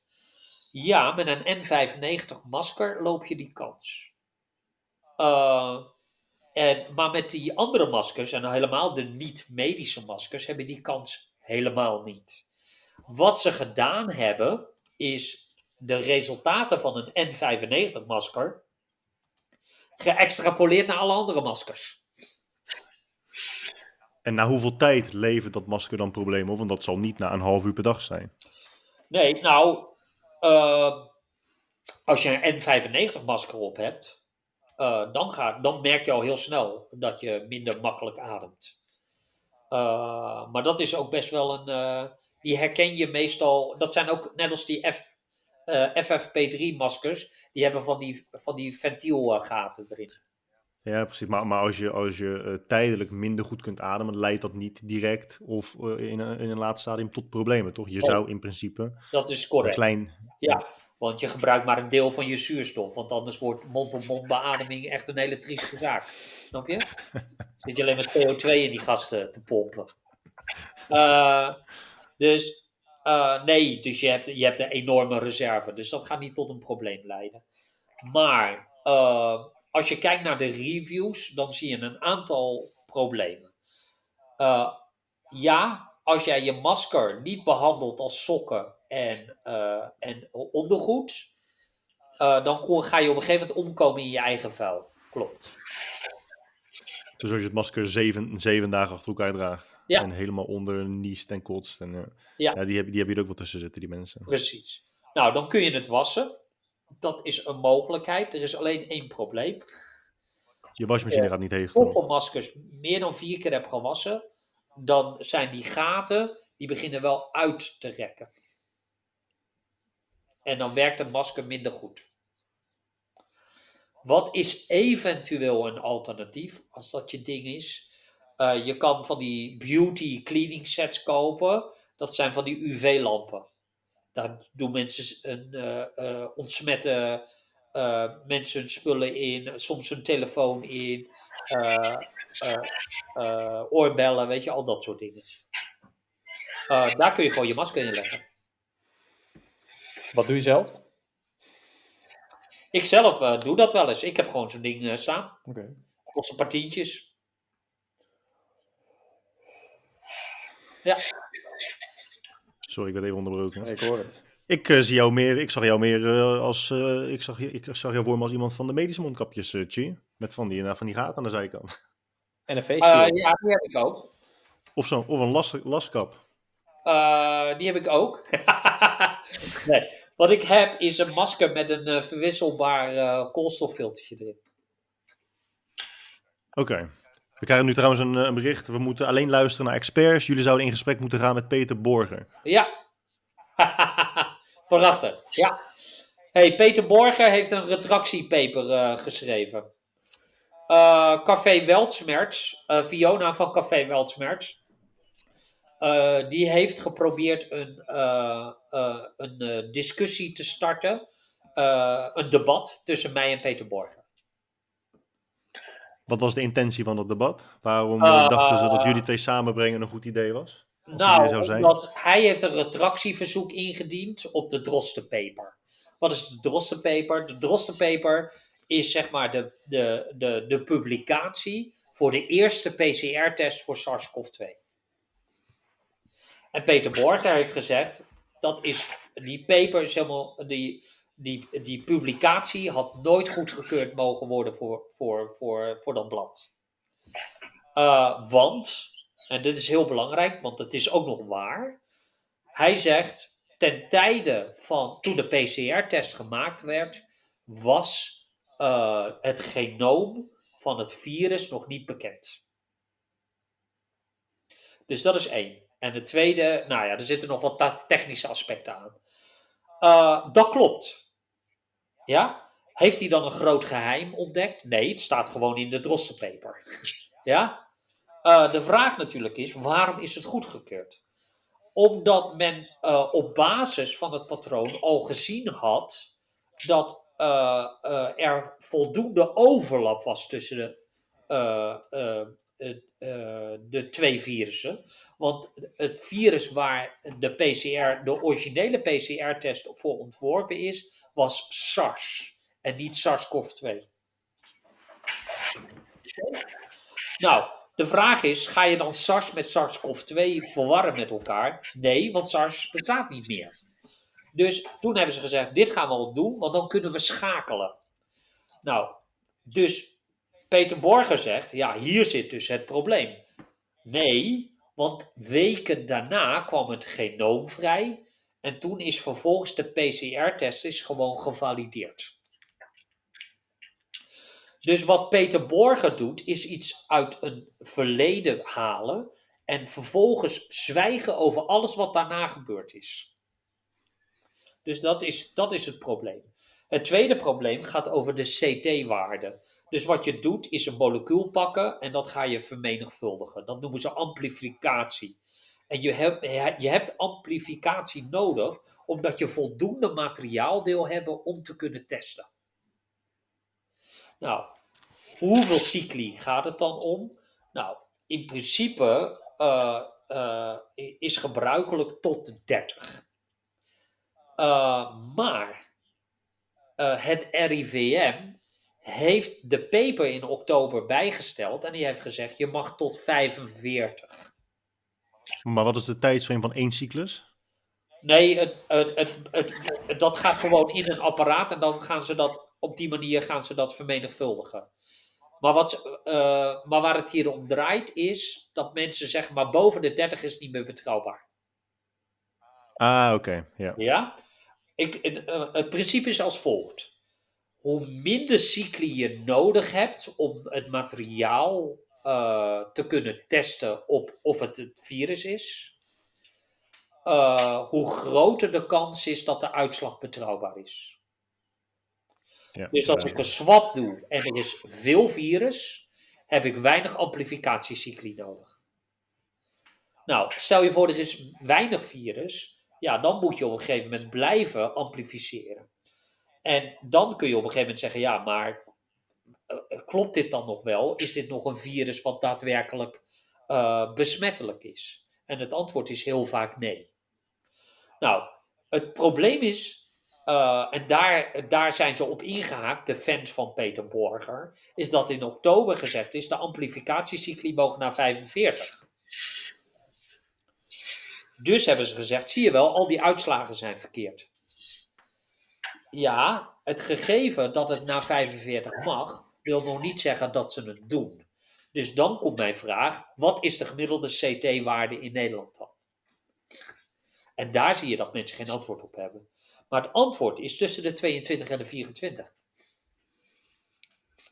De labs weten namelijk zelf wel wat ze aan het doen zijn. En dan zeg je, maar waarom heeft het RIVM dan gezegd, je mag naar 45? Omdat zij data willen hebben om te kijken tot hoever die daadwerkelijk betrouwbaar is. Het gegeven dat de vuistregel 30 is, wil nog niet zeggen dat het zo is.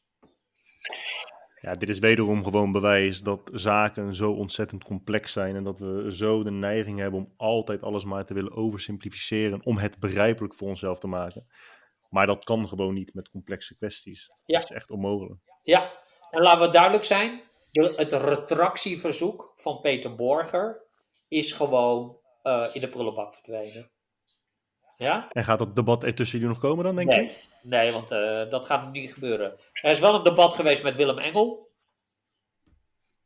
Uh, van Viruswaarheid. Tussen jou en Willem Engel? Ja, zeker.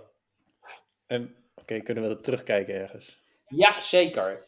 Ik zal zorgen dat er een... en er is mogelijk een tweede debat aanstaande. Oké, wat, wa waarom uh, leen jij jezelf om daar met, met zo'n persoon in discussie te gaan? Ja, dat is een. Uh, de eerste keer vond ik dat helemaal geen probleem. Uh, en de tweede keer heb ik erover na moeten denken. En dan zeg je, wat is het verschil tussen 1 en 2? dat heeft te maken met het gegeven dat ze begonnen zijn met dreigbrieven sturen naar huisartsen. Hmm. En dat vind ik niet heel netjes. Nou, waarom zou ik met Willem Engel überhaupt rond de tafel zitten? Om een aantal redenen. Allereerst is hij van huis uit biofarmaceut. Oké. Ja, uh, dus uh, hij weet ook eigenlijk echt wel iets. Stiekem. Stiekem. Ja. Het tweede is dat uh, de eerste keer, als ik het netjes zeg, komt, is het niet zo dat hij nou met overtuigende nieuwe feiten kwam. En toch heeft hij de uitzending integraal geplaatst. Uh, en ik denk persoonlijk dat hij daadwerkelijk de dialoog aan wil over de inhoud. Snap je? Uh, het was zelfs zo dat onder de uh, YouTube, onder de reacties stond Willem, doe dat nou niet, want die gast trekt alles van jou onder tafel. Dat is wat, wat er letterlijk stond. Onderuit. Uh, en ik moet ook zeggen, maar dat is mijn perceptie, dat was ook zo. Ja? Oké. Okay. En ik vind het belangrijk, ik, die video is er, dus ik zal zorgen dat jullie die link uh, krijgen. Uh, en, uh, en, en, die tweede, uh, ja, daar zit ik nog over na te denken omdat ik ook vind dat hij gewoon een paar dingen doet die gewoon moreel niet kunnen. Zo, zoals wil ik vragen, maar ik weet ook eigenlijk niet of, of ik het er te lang over wil hebben. Nee, nou, die dreigbrieven sturen naar uh, huisartsen. Ja, maar dat doet hij zelf, in persoon. Nou, viruswaarheid doet dat. Ah, oké, oké. Maar die, dan moet ik wel zeggen, dat bestaat uit twee mensen. Eh, je hebt Jeroen Pols, dat is zeg maar de jurist. En je hebt hem, en hij is de hippie en hij is zeg maar de crimineel, uh, Jeroen Pols. Hij is weliswaar advocaat, maar hij heeft in de gevangenis gezeten voor weet ik wat allemaal. Uh, uh, en hij mag dus nooit meer als advocaat optreden. en wat ik sta officieel op de trollenlijst van viruswaarheid. Ja, wij, wij straks ook, Guy. Onze oude troll. Als, als, dit, onli als dit online komt, staan wij er ook op. Ja, ja. Nou ja, dat is. Ja, ik. Thanks, er komt eh, niet alleen maar. Ja. Associatie met mij gaat niet altijd alleen maar gepaard met goede dingen. Nee, nee. Maar die, maar die dreigbrieven, dat, dat, eh, hoe- wat voor vorm neemt dat dan aan? Ze, ze bedreigen huisartsen als zij doorgaan met vaccineren. Nou, eh ja, zeker. Eh, en ook eh, met eh, niet behandelen van hun dingen, want er zijn al medicijnen en zo. Eh, HCQ Ja, tuurlijk. zo één. Of, eh, of, of wiet roken. Wiet is ook een medica medicijn voor alles, toch? De wat? Wiet, cannabis is ook Ja, een medicijn zeker. voor alles. Ja. Ah, nee, we, we- we weten het allemaal nog niet. Ja. Behalve de Indianen. Ja. Ja, wat mij betreft hebben wij genoeg beroep gedaan op jouw eh, geduld en op jouw tijd, eh Chi. Ik weet niet of Jomer daar, eh, Daar, ben, zich daarop daar aansluit. ben ik het mee eens. Ik denk dat wij helemaal nooit meer in de podcast het hoeven te hebben over eh, corona. Iedere keer verwijzen we gewoon naar Nee, deze. Ja, het blijkt maar weer zo'n eh, complexe zaak te zijn. En we krijgen nu wel een aantal vragen. eh, maar dat is volgens mij wel een, een Peter Borger fan. En ik weet niet of daar iets mis mee is of, eh, of, of wel. dat weet ik of ook niet. niet. Ehm, Kijk, we, we Dus kunnen die- even kijken wat de vraag is. Maar hij kan ook zeggen, als hij een Peter Borg-fan is, dan moet hij gewoon bij Peter Borger aandringen dat hij het, eh, het verzoek van Café Weltsmerts, het is dus niet mijn verzoek geweest, het verzoek van Café Weltsmerts aanneemt om in debat te gaan. Ah, nou ja, hij is, de, de, degene in de chat zegt, de maker van de PCR-test heeft zelf aangegeven dat de test niet mag worden gebruikt voor het vaststellen van een COVID-19-besmetting. Eh, ja, dat is wat hij zegt. Ja. En niet vraagt. Nee, dat, dat klopt.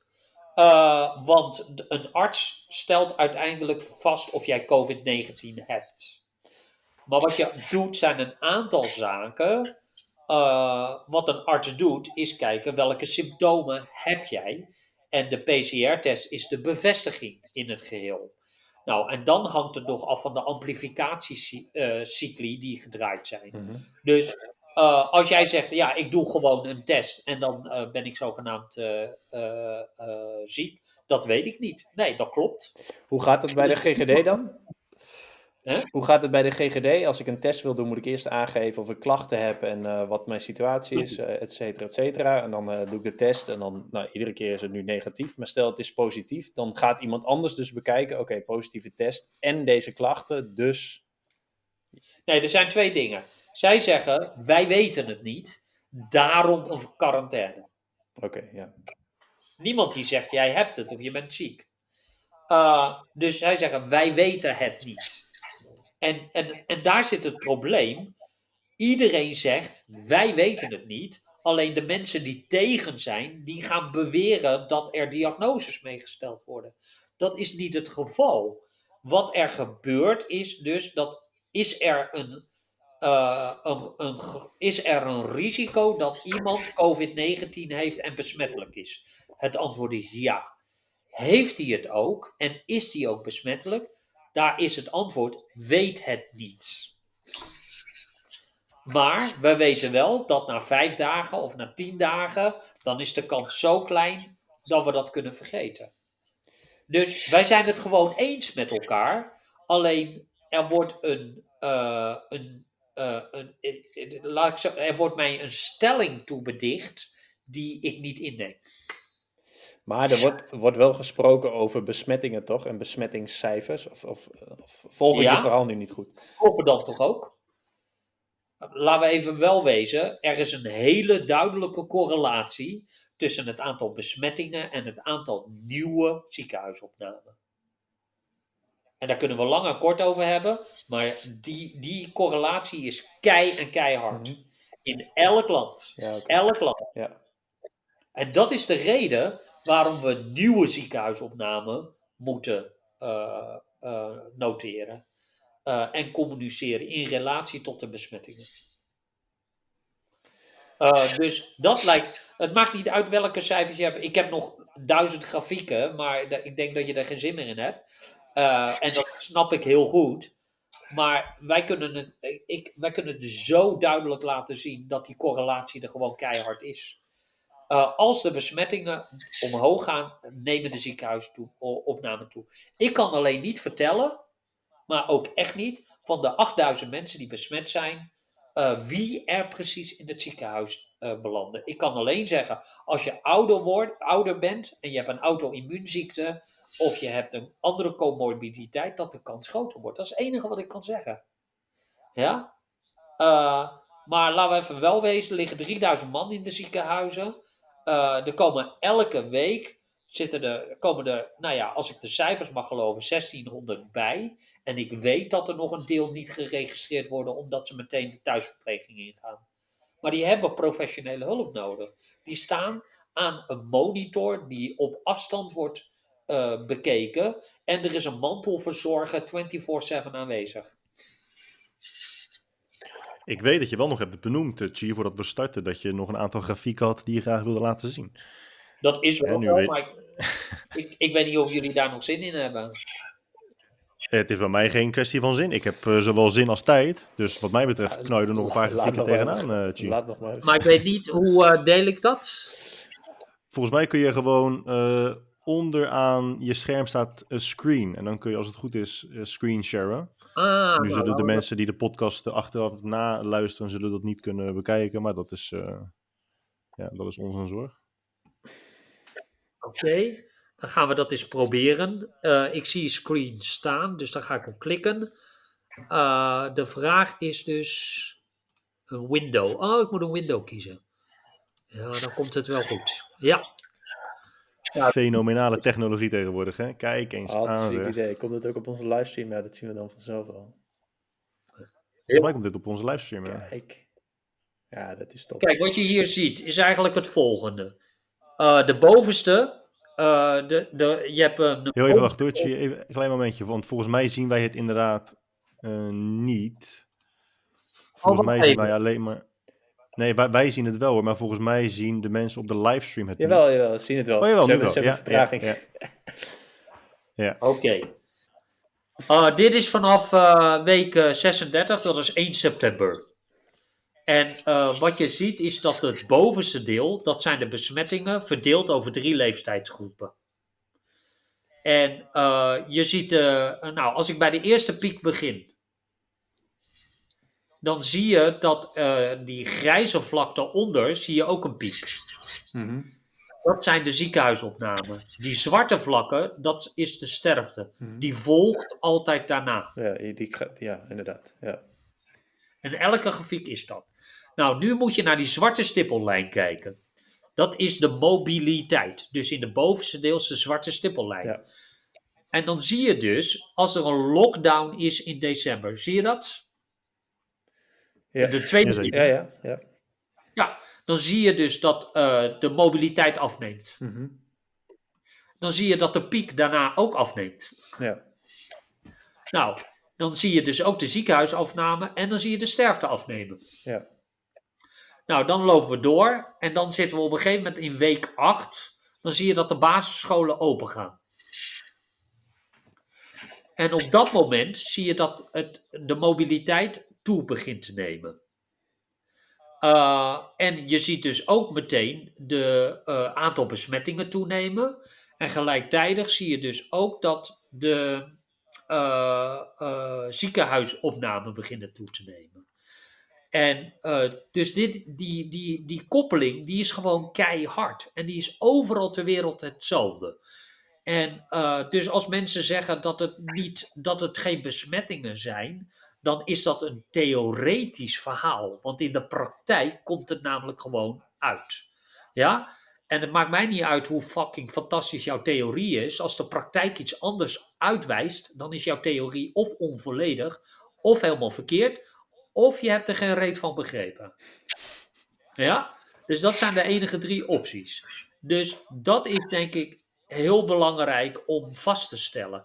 En het maakt dus echt niet uit wat het is. Wat je, alleen wat je nu ziet, is dat op dat grijze vlak, helemaal aan de rechterkant, zie je dat hij naar beneden begint te gaan. Mm En dat is heel raar. En dat komt doordat wij meer dan 600 mensen nu thuis verplegen en die komen dus niet meer in deze data terecht. Ja, oké, okay, waar je het in het begin over had, dat eigenlijk als die erbij zouden zitten, zou dat weer een piek zijn dus. Ja, precies. Ja. En daar zit dus steeds het, het verhaal. Uh, als je dan zegt, maar waarom moeten we dan niet versoepelen? Want uh, vorig jaar uh, mei begonnen we ook te versoepelen. Nou, dit is zeg maar het, uh, van week 10 vorig jaar tot week 16 dit jaar. Zoek de verschillen. Links zie je een enorme piek tussen ziekenhuisopname en die rode, dat zijn de, is de sterfte. Mm en uh, dan zie je natuurlijk die twee pieken weer terugkomen. En de derde piek, dat is zeg maar de piek na uh, drie, uh, hoe heet dat? Na 8 februari toen de basisscholen open gingen. Dus kijk naar de pijlen. Vorig jaar in mei ging die pijl naar beneden. Ja. Nu gaat die pijl omhoog. Dat is een reden om het niet te doen. Er is nog een ander probleem. Wij hebben al volle ziekenhuizen sinds oktober. Met welke griepgolf heb je sinds oktober volle ziekenhuizen? Nooit. Wanneer zijn de ziekenhuizen vol? Ze zijn in week 3 heb je de piek. Dus in januari. Maar nu begint het in oktober en het houdt maar niet op. Um, dus wat je dus ziet is dat uitval van uh, zorgpersoneel is verdubbeld. En de uitval heeft ook nog een ander karakter, want uitval is nu permanent uh, in plaats van heel kort. Um, en waar zit nou het probleem? Kijk naar die blauwe stippellijn, dat is weer de mobiliteit. Mm -hmm. Als je ziet waar wij vorig jaar een beetje begonnen te versoepelen, moet je kijken hoe weinig beweging er was. En nu kijk je helemaal rechts en dan zie je dat, dat hoeveel meer beweging wij nu hebben. Maar de factor vaccinaties, moeten we daar geen rekening mee houden? Want er worden steeds meer mensen gevaccineerd. Het is, nog wel, het zijn nog wel, uh, het is niet echt een noemenswaardige hoeveelheid, maar het worden er wel steeds meer. Uh, met die factor wordt geen rekening gehouden in deze grafieken, toch? Of gaan we daar nu, werken we daar geleidelijk naartoe? Nou, wat je ziet is dit. Kijk, dus de besmettingen nemen in alle leeftijdsgroepen toe. Uh, helemaal rechts zie je 80, 90 en 90 plus. Die zijn grotendeels gevaccineerd. Mm -hmm. Zie je al die gele pijlen die wijzen naar beneden. Want het aantal besmettingen neemt gewoon af. Ja. Uh, maar de andere groepen gaan omhoog. En het, wat je dus ziet is dat de gemiddelde leeftijd begint te dalen. Dus eerst waren het 70-plussers in de ziekenhuizen. Nu zijn het 60-plussers. En 50-plussers. Sowieso is 40% onder de 60. Want dat is ook iets waar mensen zich in vergissen. Dus, dus... dus er vindt gewoon een verschuiving in risicogroep plaats. Ja, en dat komt door volume. Ja, precies. Ja? Wat weer, ja, ja, ja. Uh, dus dat is denk ik uh, een, een hele, hele belangrijke. Nou, dit is nog een hele belangrijke sheet. Want Engeland was per definitie laat en laks in alles wat ze deden. En zie het verschil in ziekenhuisbezetting. Uh, dit is per miljoen inwoners. Dus het maakt niet uit dat zij 66 miljoen mensen hebben en wij maar 17. Want dit is genormaliseerd per uh, capita. Uh, dan zie je enorm verschil, want blauw is Engeland en rood zijn wij. En hoe ontstaat dat verschil? Nou, kijk, als je uh, hier kijkt, zie je horeca dicht. Dus helemaal aan de linkerkant op 14 uh, uh, november zie je dat de horeca bij ons dicht gaat. En daarna komt de nationale lockdown. Ehm, en bij ons. En wat je ziet is dat wij ehm, veel eerder een lockdown ingaan. En dat zie je aan de twee cirkels. De tweede lockdown bij ons, dus op het rode vlak, dat is op 15 december. En bij hen is op 22 december. Dan zeg je, wat maakt dat weekverschil nou uit? Nou, heel veel. Maar het is niet alleen weekverschil. Het is ook kijken waar je zit ten aanzien van de vorige piek. Wat je ziet is dat wij in lockdown gingen voordat wij de hoogte hadden bereikt van onze laatste piek. Dat is wat je ook ziet met dat stippellijntje. Terwijl zij waren al voorbij de laatste piek. En toen gingen zij pas in de lockdown. En daarom hebben zij enorme problemen gehad. Maar nu komt het. zij zijn heel vroeg gaan vaccineren. Dat zie je. Op, e- op eh, 31 eh, of eh, op, in december zijn zij gaan vaccineren. En op 31 januari hadden zij al 15% gevaccineerd. En jij ziet hun lijn alleen maar naar beneden gaan. Maar die rode, dat rode vlak gaat gewoon rechtdoor. Daar verandert dus niks aan. Dus vaccinatie heeft zeker effect. Maar wij gaan pas effect zien als we de 50-plussers hebben gevaccineerd. Wanneer is dat eigenlijk? Het, Nou, het gaat wel de iets sneller, toch steeds? 50-plussers staan nu op de rol. Uh, dus ik verwacht uh, nog een maand, anderhalve maand. Uh, dan is een maand, dan is iedereen die wil, is dan gevaccineerd. en als ze Janssen krijgen, dan is het maar één vaccin. En als ze Pfizer krijgen, moeten ze nog terugkomen voor een tweede. Ik, krijg, ja. ik zie nog een vraag in de chat. Iemand die zegt: uh, Wat is Chi zijn mening over de sportscholen die nog steeds dicht zijn? Kan onze branche juist bijdragen of juist niet vanwege mobiliteit? Er is natuurlijk veel, veel gestelde vraag ook over het argument dat gezondheid bijdraagt aan uh, uh, bescherming tegen het virus, om het zo maar te noemen. Ik denk niet dat de, ja. dat de insteek van deze vraag was. Ja, oké. Okay. Uh, wat je hier ziet, de grafiek die je hier ziet, om, het, om de vraag te beantwoorden. Deze is van uh, 1 juli tot en met uh, september. Uh, wat is deze grafiek? Dat zijn de besmettingen in de sportscholen. Oké. Okay. Die gaan gewoon recht omhoog. En dan zeg je, wat is dan dat tussenstuk? Ja, dat was toen iedereen in het buitenland was. Ja. Dus allereerst, het idee dat sportscholen niet besmetten is gewoon niet waar. Dat is een fabel. Uh, NL Actief heeft een enquête gedaan en iedereen zegt nou niet bij ons hoor. Ja? Uh, maar de BCL-onderzoekers, uh, die hebben dat wel geconstateerd. dus daar, is, daar zit het verschil. En dan zeggen ze ja, maar de meeste mensen raken thuis besmet, toch? nee. Wat allereerst is, uh, misschien is dat wel zo, maar als dat zo is, is het niet omdat het virus zeg maar gewoon binnen is komen vliegen. Die hebben ze binnen gehaald. Dus dat komt ergens vandaan. Dus dat is één. Maar het tweede is, en dat weet bijna niemand, tenzij je BCO'ers kent. Uh, als het moeilijk is, iemand kan het zich niet herinneren, vullen ze altijd in thuisbesmet.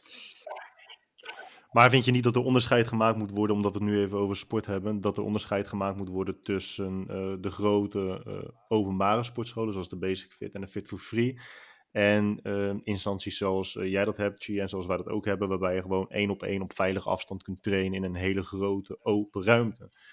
Um... Ja, zeker. Er zitten een paar dingen in. Ik uh, zou, uh, als ik moest kiezen tussen horeca en sport, had ik gekozen voor sport.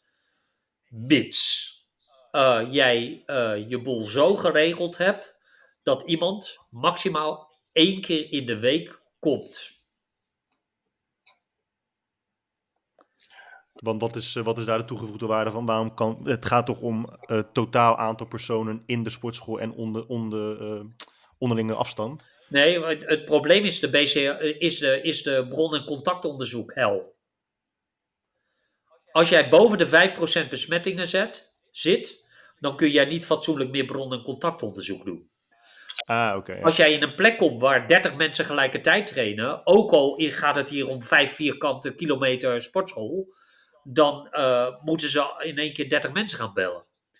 Uh, en elk gesprek kost een uur. Ja, precies, maar dan gaat, het niet, dan gaat het niet zozeer om de frequentie uh, waarmee iemand traint per week. Maar dan kun je ook zeggen, er, mag ma er mogen maximaal 10 mensen per dag komen. Of maximaal 5 mensen per dag komen. Uh, zelfs dan. Want als ik dan. Als, als jij drie keer geweest bent en je had drie keer andere mensen, dan moet ik dus al die relaties uh, na gaan bellen. Oh ja, ja, ja. Dat is de reden waarom ja, ze zeggen, je moet in groepjes van twee buiten trainen. Je mag acht groepjes van twee hebben, maar die, die mensen mogen niet in andere groepen mixen. Waarom niet? Omdat het een hel is voor bron- en contactonderzoek. Ja. Ja, ik snap hem. Duidelijk. I- Ja. Iemand zei nog in de chat, ga rustig door de andere slides heen. Dus ik zag dat je er nog een paar oversloeg. Dus die, die kunnen we gewoon... eh, nou, ik moet heel even kijken wat we hier... ik doe even een eh, licht aan trouwens. Ja, doe eens, een, eh, doe eens het lampje aan. Eh, ik ga nog even terug naar die van Groot-Brittannië. Want wij hebben inmiddels cijfers over lange COVID.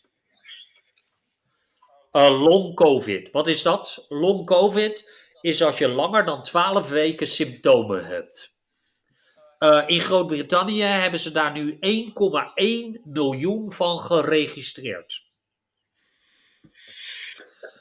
Eh 700.000 ervaart licht, lichte beperking in de eh, dagelijkse activiteiten. Maar 200.000 ervaren zware beperking in de activiteiten. Oké. Dan, eh, welke groep eh, heeft, eh, die besmet is, krijgt lange COVID? Zij zitten op 13,7 procent van de besmette mensen die ziek zijn geworden. Daar krijgt dus 13,7% lange COVID. Vrouwen meer dan mannen. Want je moet ongeveer zijn 14% eh, vrouwen, 12% mannen. Maar, en nu komt het. De groep 25 tot 34 jaar zit op 18%. Stil. Ehm, dus als, als dat betekent dat jij gewoon drie maanden plat ligt, want sommige mensen dus een jaar, allemaal valt het onder long COVID, eh, dan heb je gewoon een, heb je gewoon, eh, eh, heb je gewoon een, een kutleven. Maar, Ja, wat ik vooral schrikbarend vind aan deze grafiek is dat, dat je zo duidelijk ziet dat als je te lang wacht met inderdaad de lockdown invoeren en je zit al in de exponentiële toename van besmettingen, dat je echt zo snel te laat bent. ja, Eh, en dat is, dat is best wel sch- schrikbarend, ja. Dus dan kan ik me ook voorstellen dat jij nu zegt, joh, als je nu weer gaat versoepelen en de, het aantal besmettingen neemt al toe en straks is de stijging eventueel exponentieel, dat is eh, nagenoeg onmogelijk om terug te draaien, tenzij je dus start met volop vaccineren. Wat we ook niet gaan doen hier. Vooralsnog niet. nee, precies.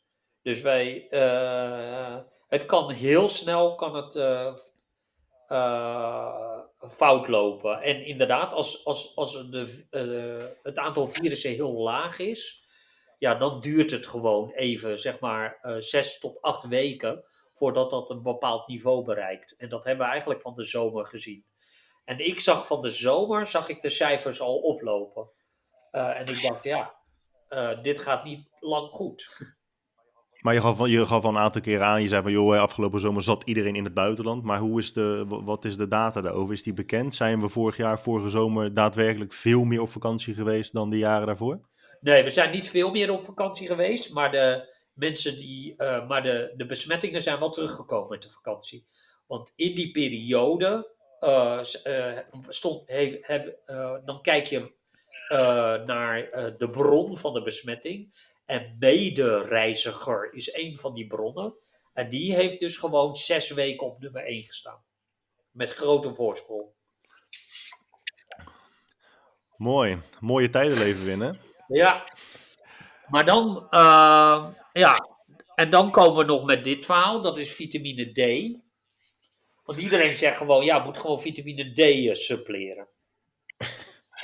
Eh, En veel water drinken. ja. En het probleem natuurlijk is, ik ben natuurlijk al zo oud dat ik een decennium heb meegemaakt vitamine C.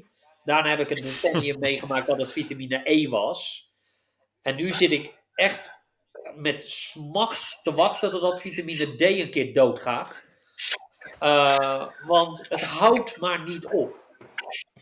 Ehm een van de problemen die mensen niet begrijpen, is dat eh, ja, een groot deel van de patiënten die in het ziekenhuis liggen, hebben lage vitamine D-spiegels. Daar is geen discussie over. Er is alleen de vraag: eh, krijgen ze daarom COVID of komt dat door COVID?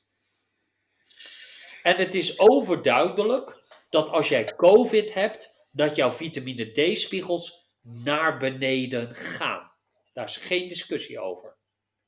Het, het is een onderdeel van het ziektebeeld.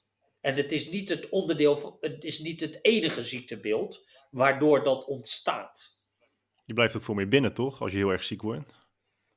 Nou, nee, maar het is een onderdeel van het proces. Dus er gaan een paar enzymen gaan omhoog. En die enzymen die remmen vitamine D aanmaak. En daardoor dalen de spiegels. Dus een onderdeel van het ziektepatroon. Dus het daalt harder zodra je COVID hebt. Oké. Nou, dat is wel eens best Dus wel het zegt, simpele verder, het zegt verder niets over, het zegt verder niets over de, de, de kans dat je co- COVID krijgt als je al start met een vitamine D tekort. En dat een vitamine D supplement je dus beschermt tegen COVID. Nee, want dat hebben ze getest. Er zijn nu drie zogenaamde Mendeliaanse randomisatieonderzoeken geweest. Wat betekent dat? Ze kijken naar mensen die genen hebben, die genetisch een eh, eh, lage vitamine D-spiegels hebben. Oké? Dus die hebben gewoon altijd lage vitamine D-spiegels. En wat je wil weten, of, zij, of hun symptomen erger zijn en of dat ze vaker in het ziekenhuis komen. Ja? Nou, waarom is het genetische deel zo belangrijk? Omdat de gene namelijk niet interesseert of jij eh, universiteit hebt gedaan en een inkomen van 2 ton, of dat jij eh, zeg maar onder de armoedegrens leeft. Dus er is wat men noemt een natuurlijke randomisatie. Eh, waardoor je dus al die factoren uit kunt sluiten.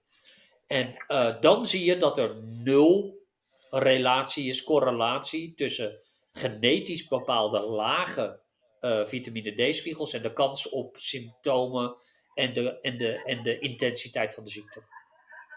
En vitamine D is sowieso een lastige, toch? Want er zijn meer ziektebeelden, ehm, of er zijn meer symptomen die je kunt krijgen als je een vitamine D tekort hebt.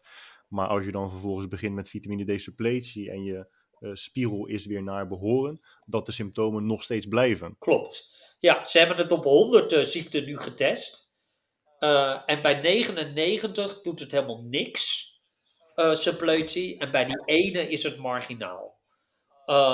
Dus ik, nogmaals, ik zit echt te wachten tot de, tot de dag dat we vitamine D eh, eh, dood kunnen verklaren. En dan eh, gaan we door naar de volgende letter in het alfabet. Wij krijgen wel eens nog, we krijgen nog eens, wel eens naar ons hoofd geslingerd dat we ehm, ongenuanceerd uit de hoek komen. Dus wel nog even belangrijk om misschien te benadrukken dat jij hiermee niet bedoelt dat vitamine D goed voor je is. Niet goed voor je of on- onbelangrijk is. Nee, Het is wel nog steeds belangrijk. Ja, ik, ben, wij, ik, ik geloof niet dat ik ongenuanceerd ben. Ik ben wel eh incompleet. Ehm, eh, Bewust. want jij kunt gewoon, eh, gewoon een half jaar studeren op vitamine D-metabolisme. maar eh, als je vitamine D-spiegels laag zijn, dan moet je gewoon suppleren. Maar niet tegen COVID, maar tegen lage vitamine D-spiegels. Hmm. Nou, daarmee zijn we, is het verhaal klaar. Ehm, dan hebben we nog te maken eh, met het verhaal. eh, eh, dus ja, laten we, ik denk dat we dat boek een keer kunnen sluiten. Dan hebben we te maken met obesitas. Ja, twee derde heeft overgewicht of obesitas, maar een derde niet. Dus uh, dat is denk ik belangrijk. Maar er is iets bijzonders aan obesitas. Uh, als je hier kijkt naar uh, de landen, dan kijk je naar de sterfte en je kijkt naar uh, het percentage met obesitas. En zie jij dan een mooie lijn? Het antwoord is nee. Het loopt, ja, het is volledig willekeurig. Precies. Er is geen relatie tussen COVID-sterfte en obesitas. Ja. Uh, ik kan je zelfs nog iets anders uh, vertellen. Als jij normaal gewicht hebt tussen 18 en uh, zeg maar 25, is de, zit je in de hoogste kans om te sterven aan COVID. BMI bedoel je toch? BMI, ja. Uh, dat wil niet zeggen, kijk, een derde, uh, het, het, je hebt wel een grotere kans om het ziekenhuis in te gaan waarschijnlijk. eh, omdat twee derde heeft eh, zeg maar, eh, overgewicht en obesitas. Maar eh, als jij met een normaal gewicht erin komt, dan is de kans dat jij doodgaat groter dan wanneer iemand obesitas heeft. Moeten we trouwens nog even opmerken dat, dat, dat. Jelmer zijn licht aan heeft gezet. Maar dat hij nog steeds compleet in het Ik heb, donker hier, zit. ik heb hier een lamp die niet zo goed werkt. Ik heb hier mijn, eh, mijn zaklamp van mijn telefoon. Even. Een lavalamp. Lava. En ik heb een 480 pixels camera, dus... eh, Maar ga, ga door. Heel goed. Eh, dan gaan we nog één sheet met betrekking tot Zweden. Zweden is hier de blauwe lijn. Ehm, en ehm, eh, en eh, Noorwegen is geel en wij zijn grijs. Oké? Ja. Nou, wat je ziet is dat eh, in principe kwam het virus uit het zuiden oprukken. En toen dachten wij in Nederland, nou, we gaan zien wat hier gebeurt. En eh, naarmate je meer noordelijk gaat, hoe langer het duurde, hoe meer tijd je had om voor te bereiden. Oké? Ja, dat- Nou, dan zie je eh, aan de hand van de lijn hoe intensief de maatregelen zijn. Dus hoe hoger de lijn, hoe intensiever de maatregelen. Nou, je ziet een hele tijd begint met een flatline. Maar als eerste, degene die je als eerste ziet bewegen, is Noorwegen. Hoeveel doden waren er in Noorwegen? Nul. Hoeveel besmettingen waren er in Noorwegen toen zij deze move maakten? Nul. Ja, Nederland vielen er al een paar doden. Ja, en in, en in Zweden eh, eh, ja, hadden ze al veel meer doden voordat men iets ging doen. Nou, je ziet aan de grijze lijn dat wij meteen van, oh shit, volgens mij is het echt, naar maximaal gingen. Maar die Zweden, die gingen, misschien wel, misschien niet. Trapje erbij, trapje erbij, trapje erbij. Dat zie je gewoon in die blauwe lijn terugkomen. Eh, zij zijn nooit eh, hoog gekomen, altijd op 60, intensiteit 60, 65, rond die dingen. Maar wij gingen meteen door naar 80. Maar nu komt het. In mei en in, eh, in, in april en mei. In april zie je al dat Noorwegen begint te ontspannen. En wij daarna eh, pas in half mei. En wat jij ziet is dat wij de hele zomer ontspannen hebben. Maar je ziet dat de Zweden nooit hebben kunnen ontspannen. Dus het land wat zo vrij is, is eh, heeft eigenlijk de langste lockdown gehad. eh, als je kijkt naar de OSI-index van alle andere landen. En dat is de ironie eh, van het hele verhaal. Maar dan begrijp ik nog steeds niet zo goed waar het dan juist in Zweden zo mis is gegaan. Als zij langer, tenminste niet langer, maar zeker over de zomer heen, toch eh, strengere maatregelen hebben gehad dan wij in Nederland. Ja, omdat ze te langzaam waren. Ja, dus dat, is, dat sluit dan weer aan bij de grafiek over het Verenigd Koninkrijk. Dat als je al in de exponentiële stijging zit, Ja, dat het dan dus- echt goed misgaat. Ja. Kijk, maatregelen helpen niet. Kijk, stel je voor, je hebt 100 gezinnen. En 80 van die gezinnen, daar zit een besmet persoon. Of je hebt 100 gezinnen en er is maar één gezin besmet. Ja? In de eerste geval maken maatregelen niet meer uit. Nee. En daar zit dus steeds het probleem. Dus op het moment dat er niks aan de hand is, moet je maatregelen nemen. Dat is wat Noorwegen heeft gedaan. Ja. En daar zit het verschil. Dus snel handelen en intensief handelen. En daarna eh, heel goed opletten wie, wie je uitnodigt. Zijn we toch weer terug bij af, eh, Guy? Want dat, dat is dus wat Taleb zei op 27 januari 2020. Ze, ja, nee, absoluut. En dat is eh, ja, het, het verhaal eigenlijk.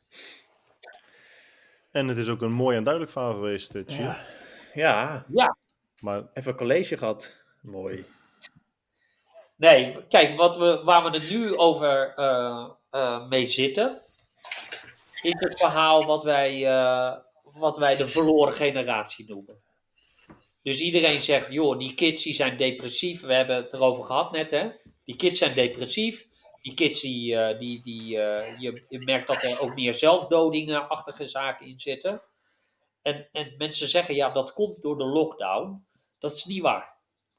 Eh, want we zien dat over, het hele, over de hele wereld gebeuren.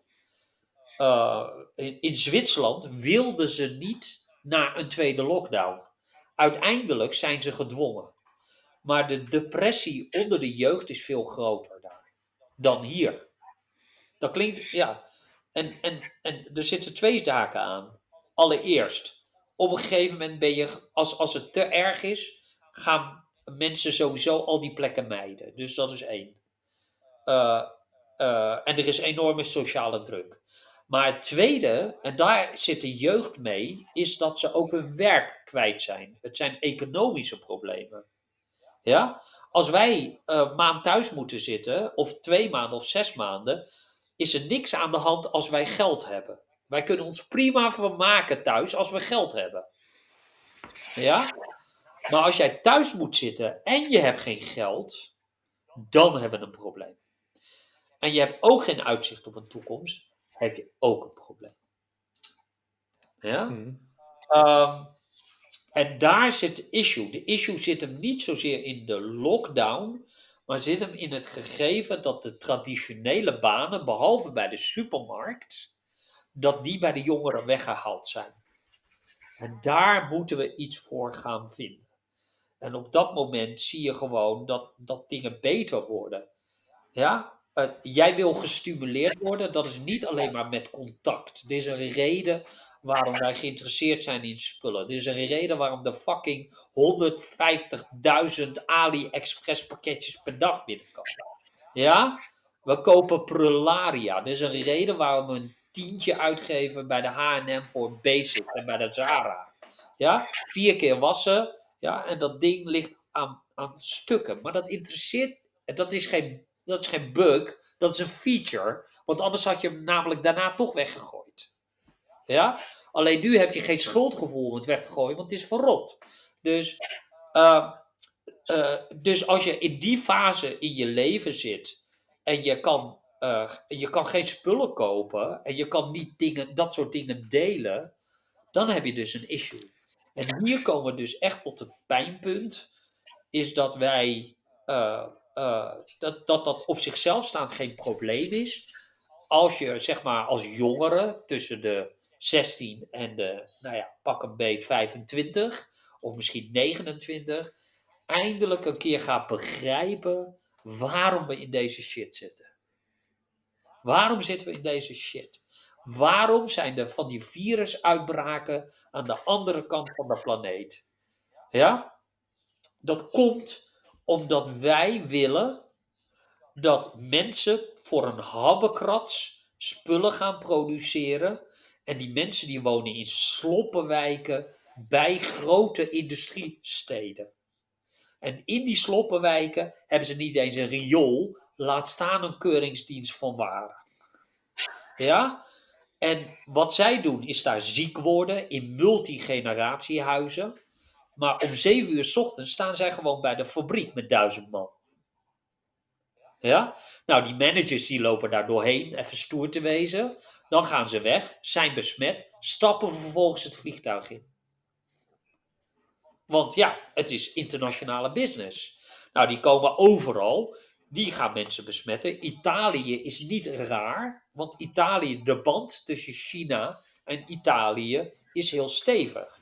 Ja, China, Italië is het China van Europa. Alle crap, alle shit die goedkoop is, komt uit Italië. Ja? En, en is dat een bug of een feature van kapitalisme? Nou, ik heb niks tegen kapitalisme, maar kapitalisme is een, uh, is een middel, net als democratie. Uh, want democratie kan je ook niet onbeperkt laten gaan, want dat zou betekenen dat de meerderheid iets kan beslissen over de minderheid, toch? Mhm. Mm -hmm. Dus als je democratie zijn werk laat doen, of je laat kapitalisme uh, het werk doen, uh, on, onverlet, dan, dan wordt het een klerenzooi. Dus de vraag is, het is een middel voor wat? En er is maar één doel en het doel heet beschaving. En beschaving betekent dat de meerderheid niet kan beslissen over de minderheid. Beschaving betekent dat kapitalisme niet ingezet kan worden om mensen uit te buiten. Dus als wij problemen hebben met democratie of we hebben problemen met, uh, met kapitalisme, dan moeten we dat niet inperken. Wat wij nodig hebben is meer beschaving.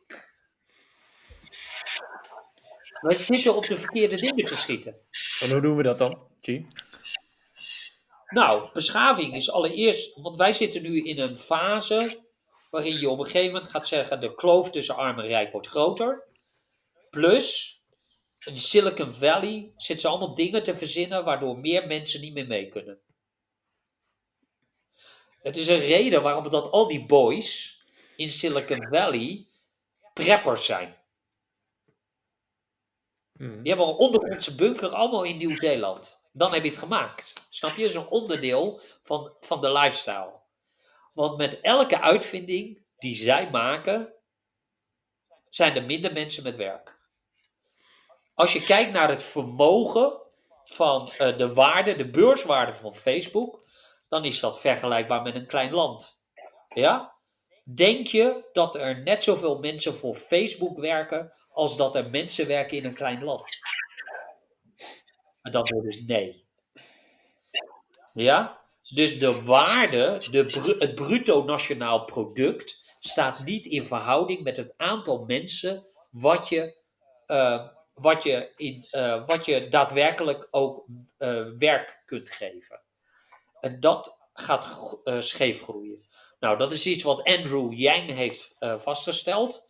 En die heeft, het, die heeft gezegd, luister, we gaan een paar dingen moeten we nu veranderen. We moeten de data, jouw persoonlijke data, moet in een persoonlijke kluis. En als Facebook gebruik moet maken, wil maken van die data, of Amazon of Google, dan moeten ze daarvoor betalen. Hmm. En uh, dat geld, daar wordt belasting over geheven. En daar gaan we een nieuwe maatschappij mee uh, uh, maken. Dat is het voorstel van Andrew Yang. En misschien moeten we daar wel heen. Want op een gegeven moment ga je zien dat het, dat die, dat het gat alleen maar groter wordt. En overal ter wereld zie je dat de arme mensen uh, obese zijn en de rijke mensen niet, zeg maar. Of de middeninkomens niet. Behalve in de VS. In de VS hebben de middeninkomens net zoveel obesitas. En dan zeg je, waarom is dat? Omdat die mensen ook van salarisstrook naar salarisstrook moeten leven. Ja, dan kom je dus, Ja. kom je dus weer terug op dat, dat idee van schaarste. Dat als dat je probleem is, dan vergeet je eigenlijk ehm, de rest van je problemen. Dan kun je die niet managen. Dan kun je de rest niet managen. En er is nog een ander verhaal. Dat is dat wij. Eh, vroeger hadden we regels hoe we moesten leven. Je ging gewoon zondag naar de kerk. En de man eh, die sneed het vlees aan. En eh, de, de man moest gewoon werken. En de vrouw. Dus of je het eens was met die regels, dat maakt niet zoveel uit. Maar iedereen begreep hoe het werkte. Mhm. Ja? Moet je nu kijken. Jezus, moet ik monogamie? Is dat nog, moet ik, is dat wat voor mij? Ik heb geen idee. Ja? Dus ik heb al die regels, ik heb geen idee. Ja, ik heb, ik heb een, een, een baan met een vast contract. Ben ik nou een idioot of niet? Mhm. Ja? Eh, ik heb geen bitcoins. Ben ik nou echt een fucking loser? Ja. Of werkt het? Jazeker. Ja? Jazeker. Dus eh, al dit soort vraagstukken eh, zijn van deze tijd. Nou, op sommige hebben in ieder geval jullie duidelijk concrete antwoorden. Maar de meeste mensen hebben geen antwoorden. Ja, ik kom mensen tegen die vragen aan mij: joh, ik heb een passie, maar moet ik van mijn passie mijn werk maken? Wat is dan je antwoord? Ik, ga- Ja? ik weet Guy's antwoord wel trouwens. Ja? Zijn antwoord is nee. We hebben het vaak over gehad, toch? nee, daar, ja, daar, hebben- daar hebben we het al regelmatig over gehad. We zijn echt in een soort van vers- versnelling beland. Waarbij steeds meer jongeren het gevoel krijgen dat als het je passie niet is, het ook absoluut het je beroep niet zou moeten worden. Maar dat, ja, dat lijkt mij gewoon een, een misvatting. En dat, dat eindigt alleen maar in een zoektocht waarbij je het antwoord waarschijnlijk nooit gaat vinden. Nee. En dus altijd ongelukkig bent met de situatie waar je in zit. Ja, kun je nagaan als je niet eens een passie hebt. Nou, dat is echt dubbel eh, L, denk ik. Want eh, Ja, maar dan, dan, kom je weer in het gebied van, ja, hoe- maar hoe definieer je dan eh, passie? En hoe, hoe, hoe, hoe, hoe, hoe weten wij dat wij passie op dezelfde, op dezelfde manier ervaren? ja, En eh, dat het voor ons beiden net zo zwaar weegt. Passie Nou. hebben in je, in je bestaan. zeker. Eh, en, en de vraag is, eh, is daar een methodiek voor? Is daar inzicht in? Is er een pad? Kun je überhaupt de vraag stellen, de vraag beantwoorden, kun je een goed leven hebben zonder passie? Het antwoord is ja, je hebt duidelijk geen passie nodig. De vraag is dan, oké, dat zeg jij wel, maar mag ik dat zelf ontdekken? Eh, ja, natuurlijk mag dat. Eh, maar hoe, hoe doe je dat dan? Ja, en daar zijn heel veel vragen. En als jij zeg maar tussen de 16 en de 29 zit en jij zit thuis en jouw deel van je ontwikkeling is, eh, is stilgezet, want kennelijk moet je nu flirten zonder iemand aan te raken. Ja, hoe werkt dat? Eh, eh, terwijl vroeger was dat nooit een probleem. Dan schreven we mooie lange brieven. Ja, en, eh, eh, en jij zat daar een, een maand op te wachten totdat die brief kwam. En elke dag liep je naar de, naar de postbode om te kijken of die er was. Ja? Die tijd is natuurlijk over.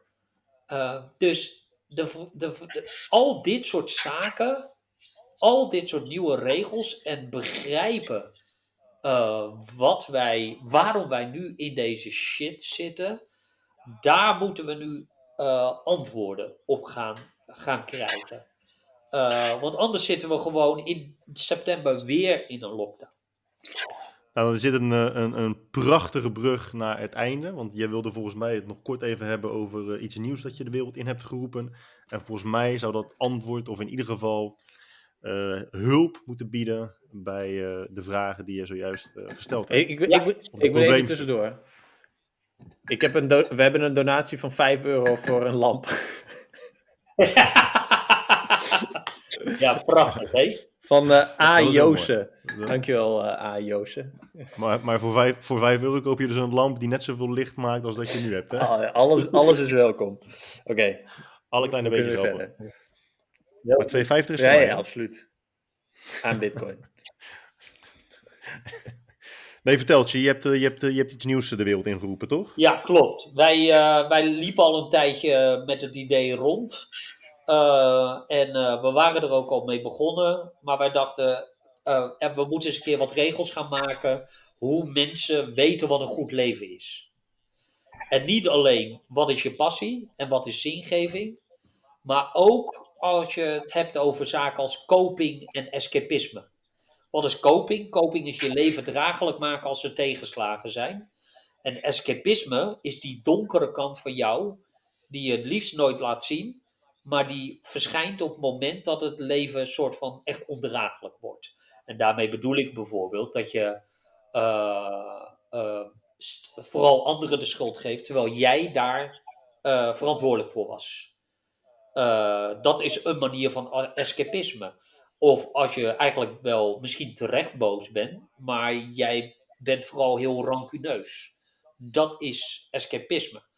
Eh, en die twee kanten, het kopingskant en het, en, eh, en, en, en, eh, escapistische deel, die zie, die zie je nooit ergens terugkomen. Terwijl als je daarmee kan dealen, dan wordt het interessant.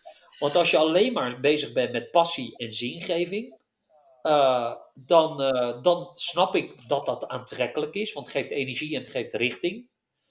Maar eh, als je dan geen coping en escapisme hebt, dan heb je gewoon een half leven.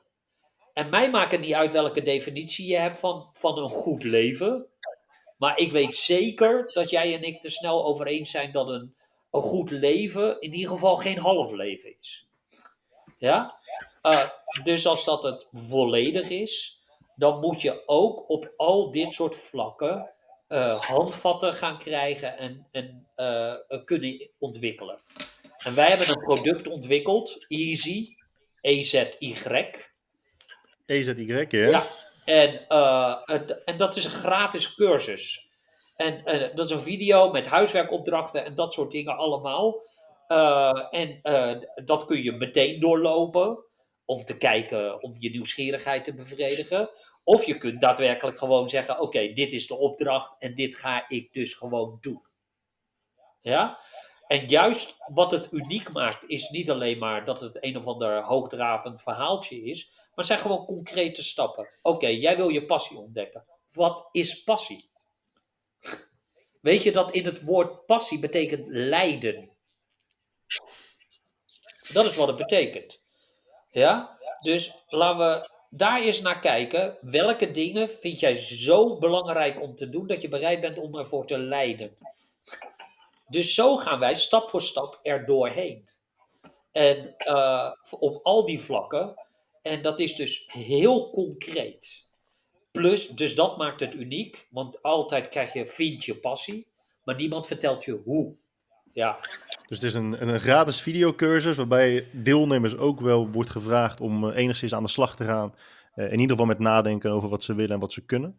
Ehm, is, het, is, het, is het nog een bepaalde periode? Is het één video? Is het een videoserie? Is het een- Nee, het is een hele videoserie. Als je je ins, eh, aanmeldt, kun je meteen aan de slag en meteen er, er doorheen. En En waar kunnen mensen de, de cursus vinden? Want het, het heet Easy, Ja. EZY, maar wat is de website, de URL? ja, de, URL de URL die je even kunt nemen is eh, chivo.nl slash easy. En Chivo is chivo.nl slash easy. Ja. EZY. We zullen ook nog de links onder alle, ehm, in, de, in de beschrijving van alles zetten. Ik heb Ja, nog een donatie. Eh, Oh, wow. Voor een lamp. Lamp. Voor een lamp. Nee, maar ga verder. We hebben het er zo over. kan, je, kan je niet altijd in het donker, Ja. eh, in het donker podcast? Ik ga direct kijken trouwens. Eh, ik zou nog een link. eh, oh ja, eh, met eh, Willem Engel zou ik eh, nog sturen. Oh ja, als jij die door kunt sturen, dan kunnen Ja, wij die ook nog even in de, in de beschrijving Ah. eh, plaatsen. Want we kregen ook nog de vraag, waarom spreek jij je uit over een onderwerp waar je terwijl je geen medische achtergrond eh, hebt? Eh, nu, nou, nu lijkt het mij wel een beetje voor zich spreken dat een argument losstaat van de persoon die het argument eh, gebruikt. Ja, was dat een eh, Ehm. vraag of was dat een opmerking? Nou, het was, een, het was ik denk een retorische vraag, maar ja, het, het was wel daadwerkelijk een vraag. Daar mag je nog even kort op antwoorden als je dat, als je dat wil. Zeker. Kijk, er zijn twee dingen. Mijn achtergrond is natuurwetenschap en psychologie, dus ik ben niet helemaal onbekend. Ik heb een team eh, waar arts, eh,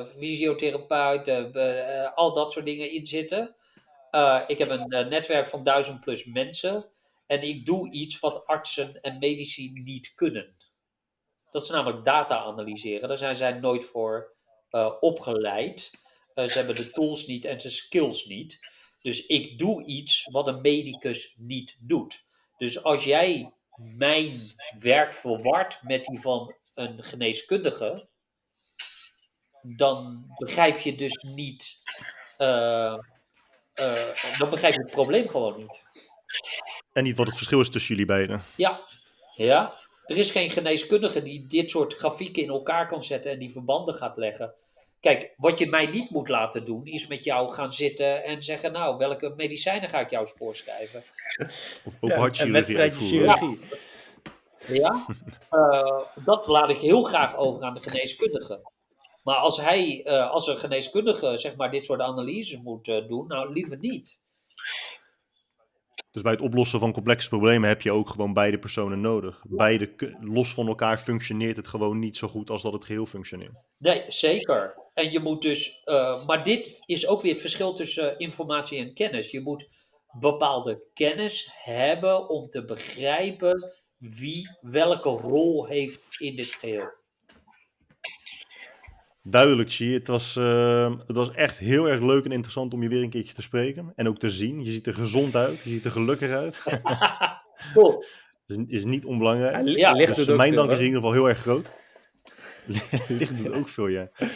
Ik sluit me hierbij aan cool. trouwens, eh Chi. Ah, ja, dank. Ja, ja. Wellicht is het leuk om je nog een keertje terug uit te nodigen. Dan gaan we het hebben over het eh, universele basisinkomen Ja. en dat soort zaken. Dat, dat vind je volgens mij ook erg interessant. Nou, in ieder geval over eh, als onderdeel van het welbevinden van mensen. Ja, en, en we moeten het natuurlijk Mooi, nog over dan, eh, autonomie hebben. Heel lang. En dat Ja. komt dan waarschijnlijk ook nog wel even terug. Dat Misschien leuk om het over autonomie te hebben als, het hoort erbij, maar misschien als, als Jammers boek uitkomt over autonomie, dat we dat dan combineren. Dat we ook een podcast doen, matchy erbij ja, over dan heb ik een autonomie. boek, en dat Jammers een boek gemaakt en dan zegt Chi, nou ja, waar je niet aan gedacht hebt, Jelmer, is dit en dit en dit en dit. en weet je wat eigenlijk zo is? En dan denk ik, oh, het staat al op papier, Chi. Dus misschien, Maar wanneer eh, ga je het publiceren? ja, de, de planning is eh, dit jaar. Alleen eh, de planning was wel vaker eh, een datum die niet gehaald is. Dus, Ja. ehm, Maar ik, ik bedoel, ik, ik, ik vind het een fantastisch onderwerp. Eh jou maar duidelijk ook, want anders ging je er geen boek over ja, ja, schrijven. ja, ja, ja, ja. Ehm, dus, eh, dus ja, en, en, en, en- en volgens mij vind Guy het ook een fantastisch onderwerp. Dus ik zie geen reden om niet op relatief korte termijn daar een keer voorbij te Ja, let's go. komen. Ik vind het een vet goed idee. Ik heb al stukken gelezen op, op chivo.nl en eh, ja, dat, dat Copy-paste. copy-paste sowieso. Nee, de, de insteek is hetzelfde. Het, het grote verschil tussen autonomie en individualisme, wat vaak moeilijk uit te leggen is, maar wat er wel bestaat, dat, dat vind ik Ja. een interessant onderwerp. En, en Ja. de manier waarop autonomie de, de, het kiezen uit je vrijheden is, ja, dat, volgens mij is dat onderbelicht. En volgens mij vindt Chi dat. En vind ik dat ook. En kunnen we het over de details kunnen we het natuurlijk hebben. Ja, zeker. En, eh, en in een groter raamwerk van hoe je het aanvliegt. Dus eh, als je een soort van Jordan Peterson hoek aanneemt, dan zijn we een soort van verlichte wezens die religie nodig hebben om zichzelf te kunnen worden. Mhm. Eh, en ik heb een andere insteek. Wij zijn, ja, mijn insteek is dat je gewoon een aap bent met een smartphone. Eh, en, eh, en, eh, en, en ergens moeten we elkaar onderweg tegenkomen wat autonomie dan betekent. Ja. Hey, Ja, leuk. Dat is dan bij deze Een mooie geregeld. teaser, Ja. teaser voor eh, de, de kijkers en luisteraars, die ik ook nog wel even wil bedanken. Even, even Ja. wat data. 411 mensen hebben gekeken. Op dit moment kijken er 46. Vet. Ik ben benieuwd of mensen dit hele stuk hebben meegekeken. Dat vind ik ook, eh, dat zou ik ook echt tof vinden. Ik wel. Ehm, en hoe lang zijn we nu bezig? 2 Drie uur en uur? 50 minuten staat die aan. Holy moly, hè? Ja. Heb je wel eh, opnemen aangeklikt, Ja, de- ja. Nou, volgens mij wordt die automatisch opgeslagen op YouTube. Nee, daar, ga, daar ga ik vanuit nu.